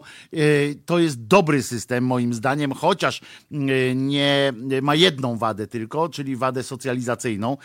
Nie, socjaliza, nie socjalizuje, ponieważ bardzo ważną, bardzo ważnym zadaniem szkoły jako takiej, jako instytucji jest ten proces socjalizacyjny, tak? czyli przygotowanie każdego z nas do, do życia w jakiejś społeczności, mało tego w możliwie zróżnicowanej społeczności, żebyśmy wiedzieli, jak się zachować w stresie, żebyśmy wiedzieli, jak się zachować w takiej czy w innej sytuacji e, wobec innych ludzi. To jest dosyć e, istotne, to jest moim zdaniem najistotniejsza rzecz.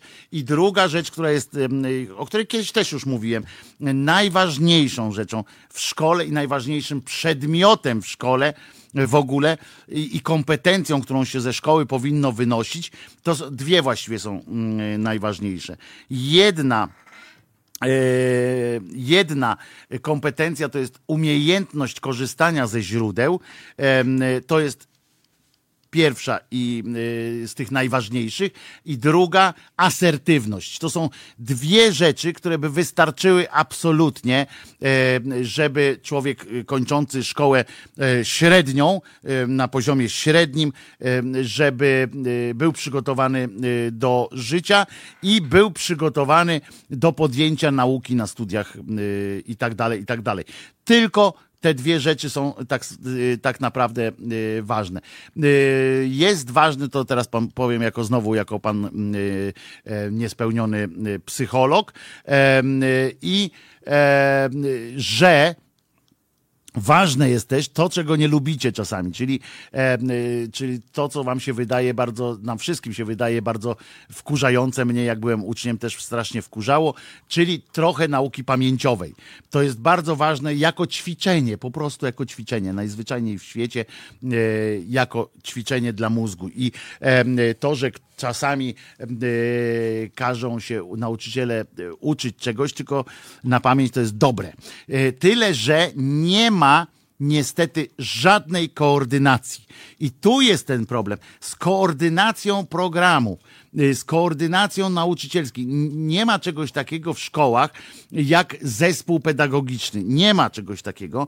Y, to jest zespół e, y, urzędników, którzy przychodzą do szkoły. Jedni są tam z powołania i w ogóle tworzą różne kółka, różne gry i zabawy zespołowe, wycieczki, cudawianki na zajęciach pięciorzą się, sześciorzą się, żeby dojść do jakiegoś tam wspólnego efektu, żeby te dzieciaki były potem rozgarnięte i potrafiły się ogarnąć same w świecie.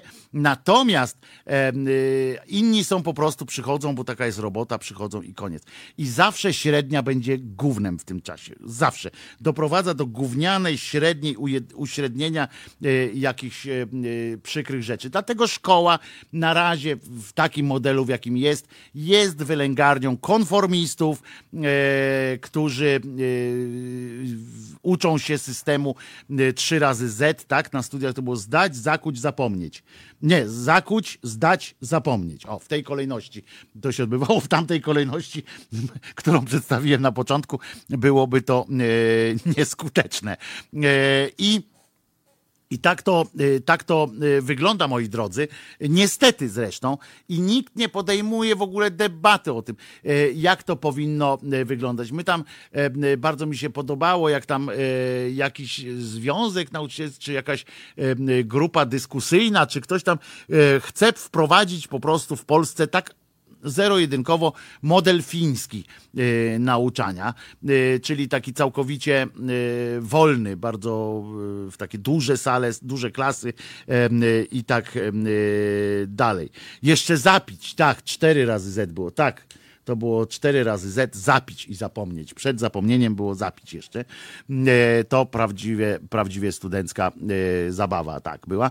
E, I niestety takie pokolenia rosną, rosną cały czas. Niestety tak będzie, dopóki, dopóki nie skupimy się na zmianie systemowej i na zmianie podejścia do edukacji. Kiedy szkoła nie, nie zostanie takim miejscem, w którym się rozmawia, a tylko właśnie e, kieruje się tym takim, żeby zdać na jakąś ocenę, tutaj cyk, pyk, pyk, poszło. Ale tak jak mówię, nie można wylewać też dziecka z kąpielą, na przykład nauczanie pamięciowe i tak dalej. To są wszystko ważne, e, ważne element. No to tyle a propos e, tego, co tu Państwo e, się kłócą. Do dziś ubolewam nad tymi e, sprintami. Nie było czasu, żeby policzyć świetnymi zagadnieniami, tylko omawiamy szybko sprawdzian i jedziemy dalej. Tak, to jest też właśnie, to jest też właśnie wielki dramat naszej szkoły. Przeładowanie programowe, które jest, które doprowadza do tego, że dzieciaki mają jakieś prace domowe. Praca domowa powinna być moim zdaniem, ja wiem, że tu są też zdania podzielone, ja zawsze stałem na, na e, stanowisku, że praca domowa powinna być, ale tu też wchodzi e, coś takiego jak koordynacja, czyli nie powinno być na e, pracy domowej z każdego przedmiotu tak samo naćkane, tylko powinno być jakoś ustalone. Dzisiaj nie jest to problem, system elektroniczny może działać również wewnętrznie w szkole. Jakiś musi być problem, że jeżeli nauczyciel polskiego w danej klasie każe napisać rozprawkę, czy jakąś fajną rzecz, która rozwojowo, y, y, rozwojowa jest, czyli y, uczy krytycznego myślenia, dajmy na to na przykład recenzję, y, każe napisać czegoś, to żeby w tym czasie tak samo nie było, y, że uczeń musi rozwiązać y, pierdylion y, zadań z fizyki, matematyki, chemii i tak dalej, i tak dalej. Y, To można to naprawdę y, skoordynować, ale koordynacji żadnej w szkole nie ma, a to wynika z tego właśnie, co tutaj y, ktoś y, napisał, z tego szybkości, z tego, y, z tego, mm, y, z tej prędkości, konieczności załadowania wszystkiego do pistoletu y, i napisgania. Ktoś do nas się dodzwonił, tak? Motocyklista, się. motocyklista się do nas dodzwonił. Dobrze. Nie, idę miastem i akurat coś śmignęło. No, stoję na czerwonym, pomyślałem, co tu robić? Może zadzwonię do Halo, radio. Ale z jakimś tematem, tak? Czy tylko chciałeś powiedzieć, że jesteś na przejściu dla pieszych? Nie, no tak chciałem sobie powiedzieć, że, że kurde, trochę szkoda mi mm, ludzi, którzy narzekają na nauczycieli, bo niestety, e, no dobra, mi się też to zdarza, ale staliśmy się produktem marketingowym e, tych, którzy chcieli, żebyśmy ponarzekali. To jest Mhm. to, co chce PiS, więc nie wiem, czy o to chodzi, nie? Po, po cholerę mamy narzekać, nie wiem. Nie róbmy tego, co PiS chce, o. Ale No myśmy, tak. ale myśmy narzekali też za PO, pamiętam, y, to, to nie ma znaczenia. Y, To jest tak jak festiwal w Opolu, zawsze, y, zawsze rok, rok wcześniej był lepszy. To, to zawsze no, każdy no następny dobra, jest gorszy ale- od poprzedniego. ale- W, w Ale ty prowadzisz e, audycję, kurde, katechetyczną i mamy się pomalu, pomaluteńko wylogowywać z tego, kurde, narzekania, bo generalnie stawiamy się znowu, jak nie w miejscu PiSu, no bo to, to w miejscu e, ofiar tego, co e, e, podszeptuje nam tutaj wielce szanowny i niechciany Kościół katolicki w Polsce, tak? Ale I masz rację, ja mam dlatego dwa Robercie, od razu przepraszam, dlatego ci powiem, że, że ani razu nie użyłem tutaj w, tej, y, w tym wejściu antenowym, ani razu nie użyłem em, y, żadnego mówienia o PiSie czy o czymkolwiek, tylko o systemowym e, rozwiązaniu, które powinno dotyczyć wszystkich y, i konstruktywnie do tematu podszedłem, a nie właśnie e, z poziomu narzekania, bo nauczyciele sami odpadną ci źli, jeśli i jak będzie taki pewny, pewien wymóg. I za to po prostu myślę, że my, słuchacze, Ciebie uwielbiamy. Po prostu jesteś cudowny, No wspaniały, dobra, dobra, dobra, rewelacyjny. tak, tak, tak. E, bo się tu zaraz, e, wiesz, podniecę i będę, e, będę głupio wyglądał w spodniach, tak tutaj. A to Daj dobrze, bo ja chciałem w ogóle, że tak powiem, a propos, e, a, a propos, że tak powiem, tych wesołych rzeczy, to powiedzieć o, e, o tym, no, 26-66, nie, 36-66. To jest temat do 66, podniesienia. 66 niech będzie. Dobra, jeżeli ktoś ma ochotę na wpisywać szóstek, to niech wpisuje, tak? No. Nie, ja zacząłem od 26-66, bo mi się to tak kręciło, em, ale o, okazało się, że jestem zimny, no to się podgrzałem do 36-66 i teraz jestem ciepły. Mhm. Jesteś ciepły, no to No, żeś, se, żeś sobie narobił teraz. Nie, No dobra, dlaczego? ale co jeszcze chciałeś coś powiedzieć, czy tylko tak będziemy sobie tamten? Nie, no ja chciałem o ideologii 36-66 i, i, i tylko tyle. Gdyby ktoś miał ochotę się przyłączyć do wpłacania, e, a nie tam przez jakieś portale, tylko po prostu przelew, przelew. który- Mała kwota, a cieszy, tak żeby Wojciech e, mógł sobie w końcu poczytać. Bank z Krakowa przysłał 36-66, a Tak, pan będzie. przysłał 30... No, wybierz Tak tych będzie. najfajniejszych Janków i będzie dobrze. A w ogóle, to chciałbym No, zapytać, to ostatnie zdanie chcę, jeszcze, no. czy... Tak, dobra, wiem, rozga rozgadałem się, przepraszam. Czy ktoś ma może taki pomysł na proste urządzenie, które mogłoby być radiem kuchennym i można by było e, wujkom, dziadkom rozdawać, żeby sobie ludzie posłuchali jedynie słusznego radia? No, no wiadomo jakiego, nie? Ale, Ale mówię no wiadomo, przecież, że takie radia już są. No tak, a, a, a, a ci dziadkowie są w stanie sobie znaleźć to ra- halo radio na swojej skali? Moim zdaniem nie, więc trzeba to że tak powiem, zrobić jakieś fajne tanie, żeby można było im to zaproponować. I żeby tylko Żeby to było do odbioru. Dobrze, dobra koncepcja. Dokładnie tak. Robercie, dzięki wielkie. Y, Dobry pomysł, y, taki pomysł, kiedyś dziękujemy Ci bardzo, Robercie. Kiedyś taki pomysł miał już tak zwany Rydzyk Pan. On zaproponował takie radio, było naprawdę takie radio, naprawdę. Y, Wy już tego nie pamiętacie prawdopodobnie, y, bo całe szczęście y, ktoś, e, całe szczęście mózg nasz wypiera różne gówna z mózgu. Uważajcie, było takie radio, pan Rydzyk wypuścił, które miało tylko jedną częstotliwość, w sensie tak, które w różnych miejscach, tam gdzie były te różne częstotliwości, odbierało tylko Radio Maryja. I miało, było sztu, sztucznie, e, sztucznie e, było robione. E, Także to jest, to jest bardzo, bardzo ciekawe było rozwiązanie. Nie proponujemy takiego jako wolnościowcy w pewnym momencie, byśmy się sami zakręcili bardzo źle, żeby to znajdować. A poza tym, co ty chcesz, Robercie, od babci i dziadków? Co, o co chodzi? że to głupi są. To już nie ten czas, nie, nie, te, nie te sprawy.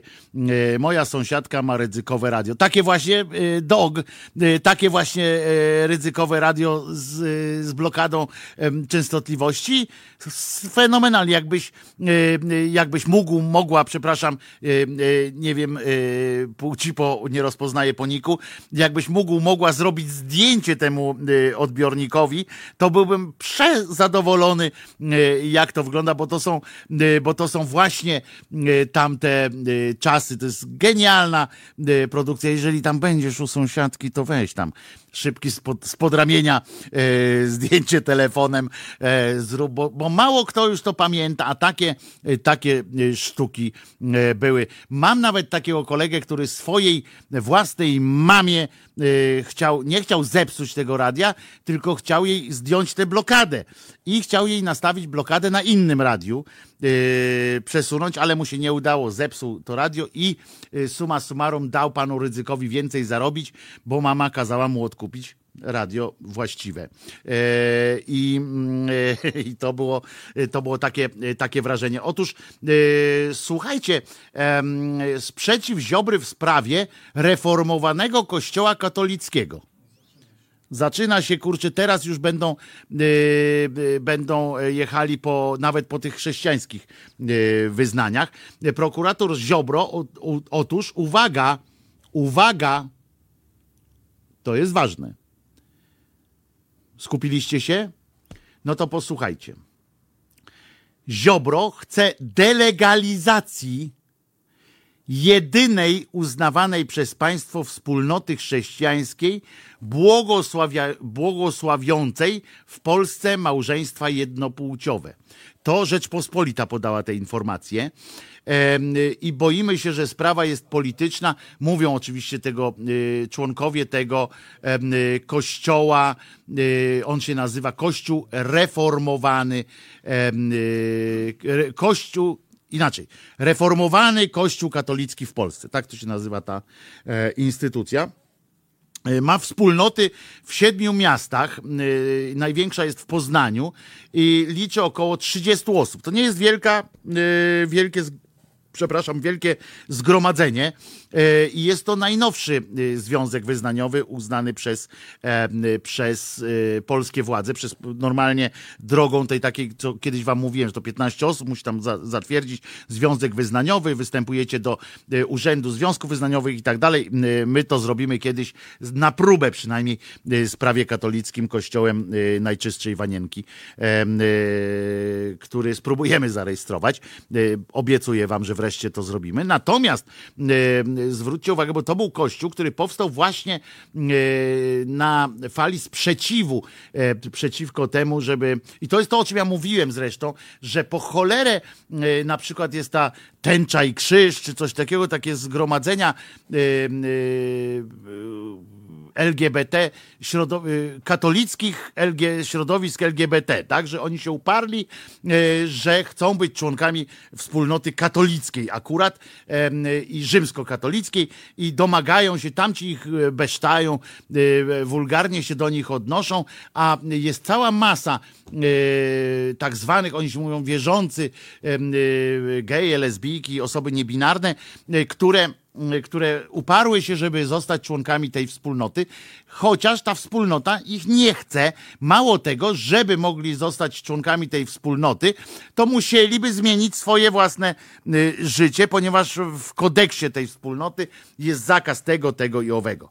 E, y, I ja postulowałem, że lepiej w takim razie, jeżeli przecież jeżeli ktoś ze środowiska LGBT, ze środowisk LGBT odnosi się, y, prosi, domaga się od biskupa, czy kardynała, czy papieża jakiego, jakiejś formy szacunku, jakiejś formy uznania, czy nie daj już, em, y, nie daj już ateisto y, wejścia w struktury, dopuszczenia do struktur, domaga się, to jednocześnie uznaje, uznaje monopol tegoż kościoła rzymskokatolickiego na bezpośredni dostęp do Jezusa i jego y, ojca, który jest nim samym y, i matki jego i tego oka w trójkącie. I a przecież nie o to chodzi, tak? W ogóle nie o to chodzi. Więc jeżeli y, ty chcesz iść do Chrystusa, z Chrystusem gadać, to nie musisz jednocześnie autoryzować biskupa jakiegoś czy innego księdza. Nawet to jest sprzeczne z Twoją ideą, z, z ideą samej y, rozmowy z Jezusem. Y, Jezus nigdy nie powiedział, że potrzebuje pośredników, więc y, jeżeli on nie istniał, oczywiście, ale ja mówię o tych pismach, tak? Że w żadnym piśmie nie jest, że on potrzebuje jakichś pośredników i tak dalej, że, że ty musisz pisać podania do kogoś, żeby cię dopuścił do wspólnej rozmowy. Tak to nie działa. I tutaj tą drogą właśnie poszli twórcy y, kościoła, reformowanego kościoła katolickiego w Polsce. Nie są to, tak jak mówię, wielkie y, grupy, natomiast ym, oni w imieniu y, Jezusa również y, uznają związki homoseksualne, uznają związki w ogóle osób niebinarnych, y, uznają całą masę tęczowej, y, że tak powiem, ideologii, y, którą, znaczy tęczowego tego czegoś, co, co uważa się za tęczową ideologię y, w ustach tego y, pochlasta pokurcza y, Ziobry. Y, I, y, I są otwarci i tak dalej i nie mają tego wszystkiego kodeksu, em, y, tego kanonu y, i prawa kanonicznego, które im tego wszystkiego zabrania. To jest najważniejsze. Poszli po prostu właściwą drogą. Wierzysz w Jezusa? Brawo, twoja sprawa. On w sumie w tych pismach akurat Jezusowych nie najgłupsze rzeczy y, czasami opowiadał, chociaż jakbyście przeczytali wszystko, to by wam rura zmiękła, ale trudno. E, Natomiast y, nie musicie, prawda, iść do biskupa, bądźcie swoim biskupem. Zrobił się ten kościół, wypełnili wszystkie e, możliwe, wszystkie możliwe e, warunki i prokurator generalny, uważajcie, e, się okazało, że to już w, lip, w lipcu się wydarzyło, że Ziobro, ja o tym nic nie wiedziałem, aż mi głupio, wniósł sprzeciw od decyzji ministra spraw wewnętrznych i administracji o wpisie tego reformowanego kościoła do rejestru. E, I on, uwaga, jakimi e, argumentami się posłużył. Prokurator generalny podniósł, uwaga, statut oraz wniosek tegoż kościoła nie zawierały istotnych informacji wymaganych ustawą, czyli w zakresie celów związanych z działalnością kościoła. No co? Jaki cel, że ma kościół? No rozmowa z Jezuskiem, tak? Organ rejestrowy nie dokonał również oceny wniosku Kościoła o wpis pod względem, uwaga, zgodności z przepisami ustaw chroniącymi bezpieczeństwo i porządek publiczny, zdrowie, moralność publiczną, i tu mamy ten haczyk, władzę rodzicielską oraz podstawowe prace, prawa i wolności innych osób. W związku z czym, jeżeli byś pan, panie Ziobro, e, dokonał, wziął jakąś instytucję taką e, niekościółkową i tam kazał komuś, zleciłbyś komuś niezależnemu, jakiemuś organowi niezależnemu, zbadanie e, tego wniosku Kościoła katolickiego, rzymskokatolickiego pod względem zgodności z przepisami ustaw chroniącymi bezpieczeństwo i, i, porządek publiczny, zdrowie, moralność publiczną, władzę rodzicielską oraz podstawowe prawa i wolności innych osób, to Kościół rzymskokatolicki poleciałby stąd nie wiem gdzie. Przecież oni nie spełniają prawie żadnego z tych warunków. Szybko, Wojtko, ci powiem, bo dokładnie tą teradę, którą wykonałeś teraz, masz y, sojusznika w postaci, nie zgadniesz kogo, y, redaktora Tomasza Terlikowskiego. Który, Wale go ale powiedział to samo, co ty. Dokładnie tak. No i brawo. Bo to I jest brawo. logiczne, tak. Czyli ten człowiek pro, słowo prawdy raz powiedział. Terlikowski. To jest niesłychane, co ten cymbał y, Ziobro od Janie Pawla to jest, e, mam nadzieję, oczywiście mam nadzieję, to już tyle razy mieliśmy jakąkolwiek nadzieję, że już chybaśmy się wyleczyli z tego. E, e, I ksiądz Tomasz Puchalski z, tej, z tego kościoła reformowanego, aha, bo tam w, te, w, w tym kościele są też osoby, które odeszły z kościoła, duchowne osoby, które odeszły z kościoła, żeby założyć taki kościół, bo właśnie się nie zgadzały. I to jest ta droga, której zawsze mówię. Jak można próbować reformować od środka instytucję, instytucja, która ma swój cholerny kodeks, która ma swoje bardzo ściśle zapisane prawa. Nie przystępuje się do takiej organizacji, po prostu jeśli się z nimi nie zgadzam. Mam całe 4 czy 5 lat nawet, albo 6 jest seminarium. To jest czas, tam jest taki przedmiot prawo kanoniczne. To jest czas poznać te zapisy yy, kanonicznego prawa, żeby powiedzieć, a nie, to przepraszam, to ja się pomyliłem. Ludzie rezygnują z różnych studiów. I mówią, sorry, yy, ja myślałem, yy, moja koleżanka zrezygnowała na przykład z ASP, bo była przekonana, że jak pójdzie na Akademię Sztuk Pięknych, to będzie coś takiego, że najpierw idzie się uczyć. E, to Gosia Halber, e, pisarka, teraz dziennikarka, wcześniej teraz pisarka e, również. I ta dziennikarka chyba dalej. I ona napisała, że ona myślała, że to będzie tak, że jak jesteś w tej ASP, to najpierw y, idziesz na przykład jakimś, że malarstwo jest, tak? Jakiś tam rodzaj malarstwa i idziesz w tym kierunku, że uczą cię tego y, malarstwa, że jest jakiś taki no, w różnych aspektach, w różnym czymś, ale jakiejś konkretnej, y, w techniki różnej i tak dalej, ale w konkretnym rzeczy, a na następnym na przykład semestrze uczą cię czegoś tam innego. A tutaj się okazuje, nagle ona poszła i to, że to są normalne studia, tak jak każde inne. W sensie, że przechodzisz z sali y, od malarstwa do sali y, dekoratorni. Potem przechodzisz z dekoratorni na y, metodologię badań na przykład. I tam i nie ma tego, wiesz, takiego czegoś, o czym się myślało kiedyś, że to będzie miał swojego mistrza, będę za nim tam iść i tak dalej, i tak dalej. To już bliżej to jest w szkołach muzycznych, to jest bliżej, bo tam po prostu faktycznie ćwiczysz cały czas z tym mistrzem, pim, pim, pim, pim, pim, pim, pim.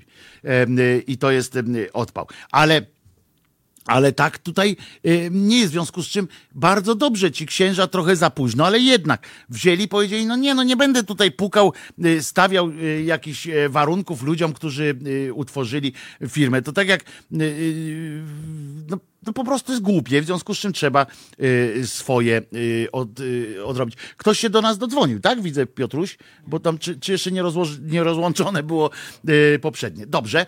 Y, y, I uwaga, Departament Wyznań MSWiA bada sprawy bardzo wnikliwie. I po raz pierwszy słyszę, że prokurator generalny wnosi sprzeciw odnośnie do wpisania do rejestru. Czyli pierwszy taki przypadek. Mówi pan Borecki, profesor nie, doktor habilitowany e, y, Paweł Borecki z Zakładu Prawa Wyznaniowego Uniwersytetu y, Warszawskiego. I, e, I uwaga, klauzula porządku publicznego, e, pan e, profesor mówi, pan doktor habilitowany, e, klauzula porządku publicznego, na którą powołuje się prokurator generalny, jest bardzo rozciągliwa No, na tym to polega niestety. I daje pole do nadużyć w ograniczeniu wolności zrzeszania się we wspólnoty religijne. Umieszczono ją w ustawie w atmosferze nagonki antysektowej, bo pamiętamy, była taka jazda kiedyś, bo u nas wszystko się robi. Pamiętacie, tak mówiłem, też miałem ględźbę o tej akcyjności naszej, że nagle ktoś tam, y, że ty, y, miesiąc nie padał deszcz, no to rusza akcja co? Oczko plus, czy tam coś. Ale furda z tamtym zalesianiem było, na przykład, czy tam inną rzeczą o powodziach, zapomnieli. Nagle znowu nadejdzie wiosna, czy coś, zaczną się powodzie, czy teraz na jesień to znowu zacznie się budujemy wały, budujemy wały i tam oczka będą już... I to u nas się tak robi. Tak była akcja z Trynkiewiczem, no to trzeba było dla niego zrobić specjalne prawo Lex Trynkiewicz, że można wsadzać tych ludzi po skończeniu wyroku siedzisz dalej. E, tyle, że w, w, w, takim zakładzie e, dla popaprańców, bo to tak się to chyba w sumie e, traktuje. Zakład dla popaprańców, stempel dostajesz, że jesteś niebezpieczny dla środowiska. I do, dodatkowo jeszcze potem były seria całe tam była o pedofilii, to też było tej akcja, że trzeba pedofilię przykrócać, to chemiczną pedofilię, chemiczną kastrację wpisano. No i była też taka, że jakaś sekta tam kogoś o, o, yy, opanowała, nad, nad kimś zapanowała, w związku z czym e, trzeba było wszystkie związki wyznaniowe yy, wyzwać od, od najgorszych, powiedzieć, a teraz będzie, będzie w ten sposób. I ta wspólnota akurat mieści się w nurcie starokatolicyzmu, co oznacza, że przyjmuje wiarę Kościoła pierwszego tysiąclecia.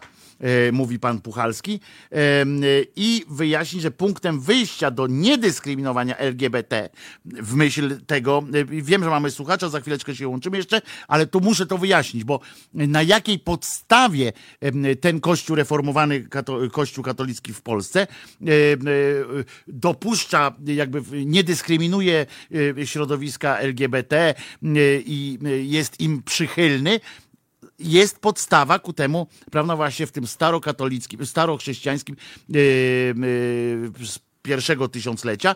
Uwaga, jest chrześcijańska, yy, tym punktem wyjścia jest chrześcijańska nauka o Trójcy Świętej. Istnieje jedna ludzkość, która składa się z wielu osób, które są sobie równe.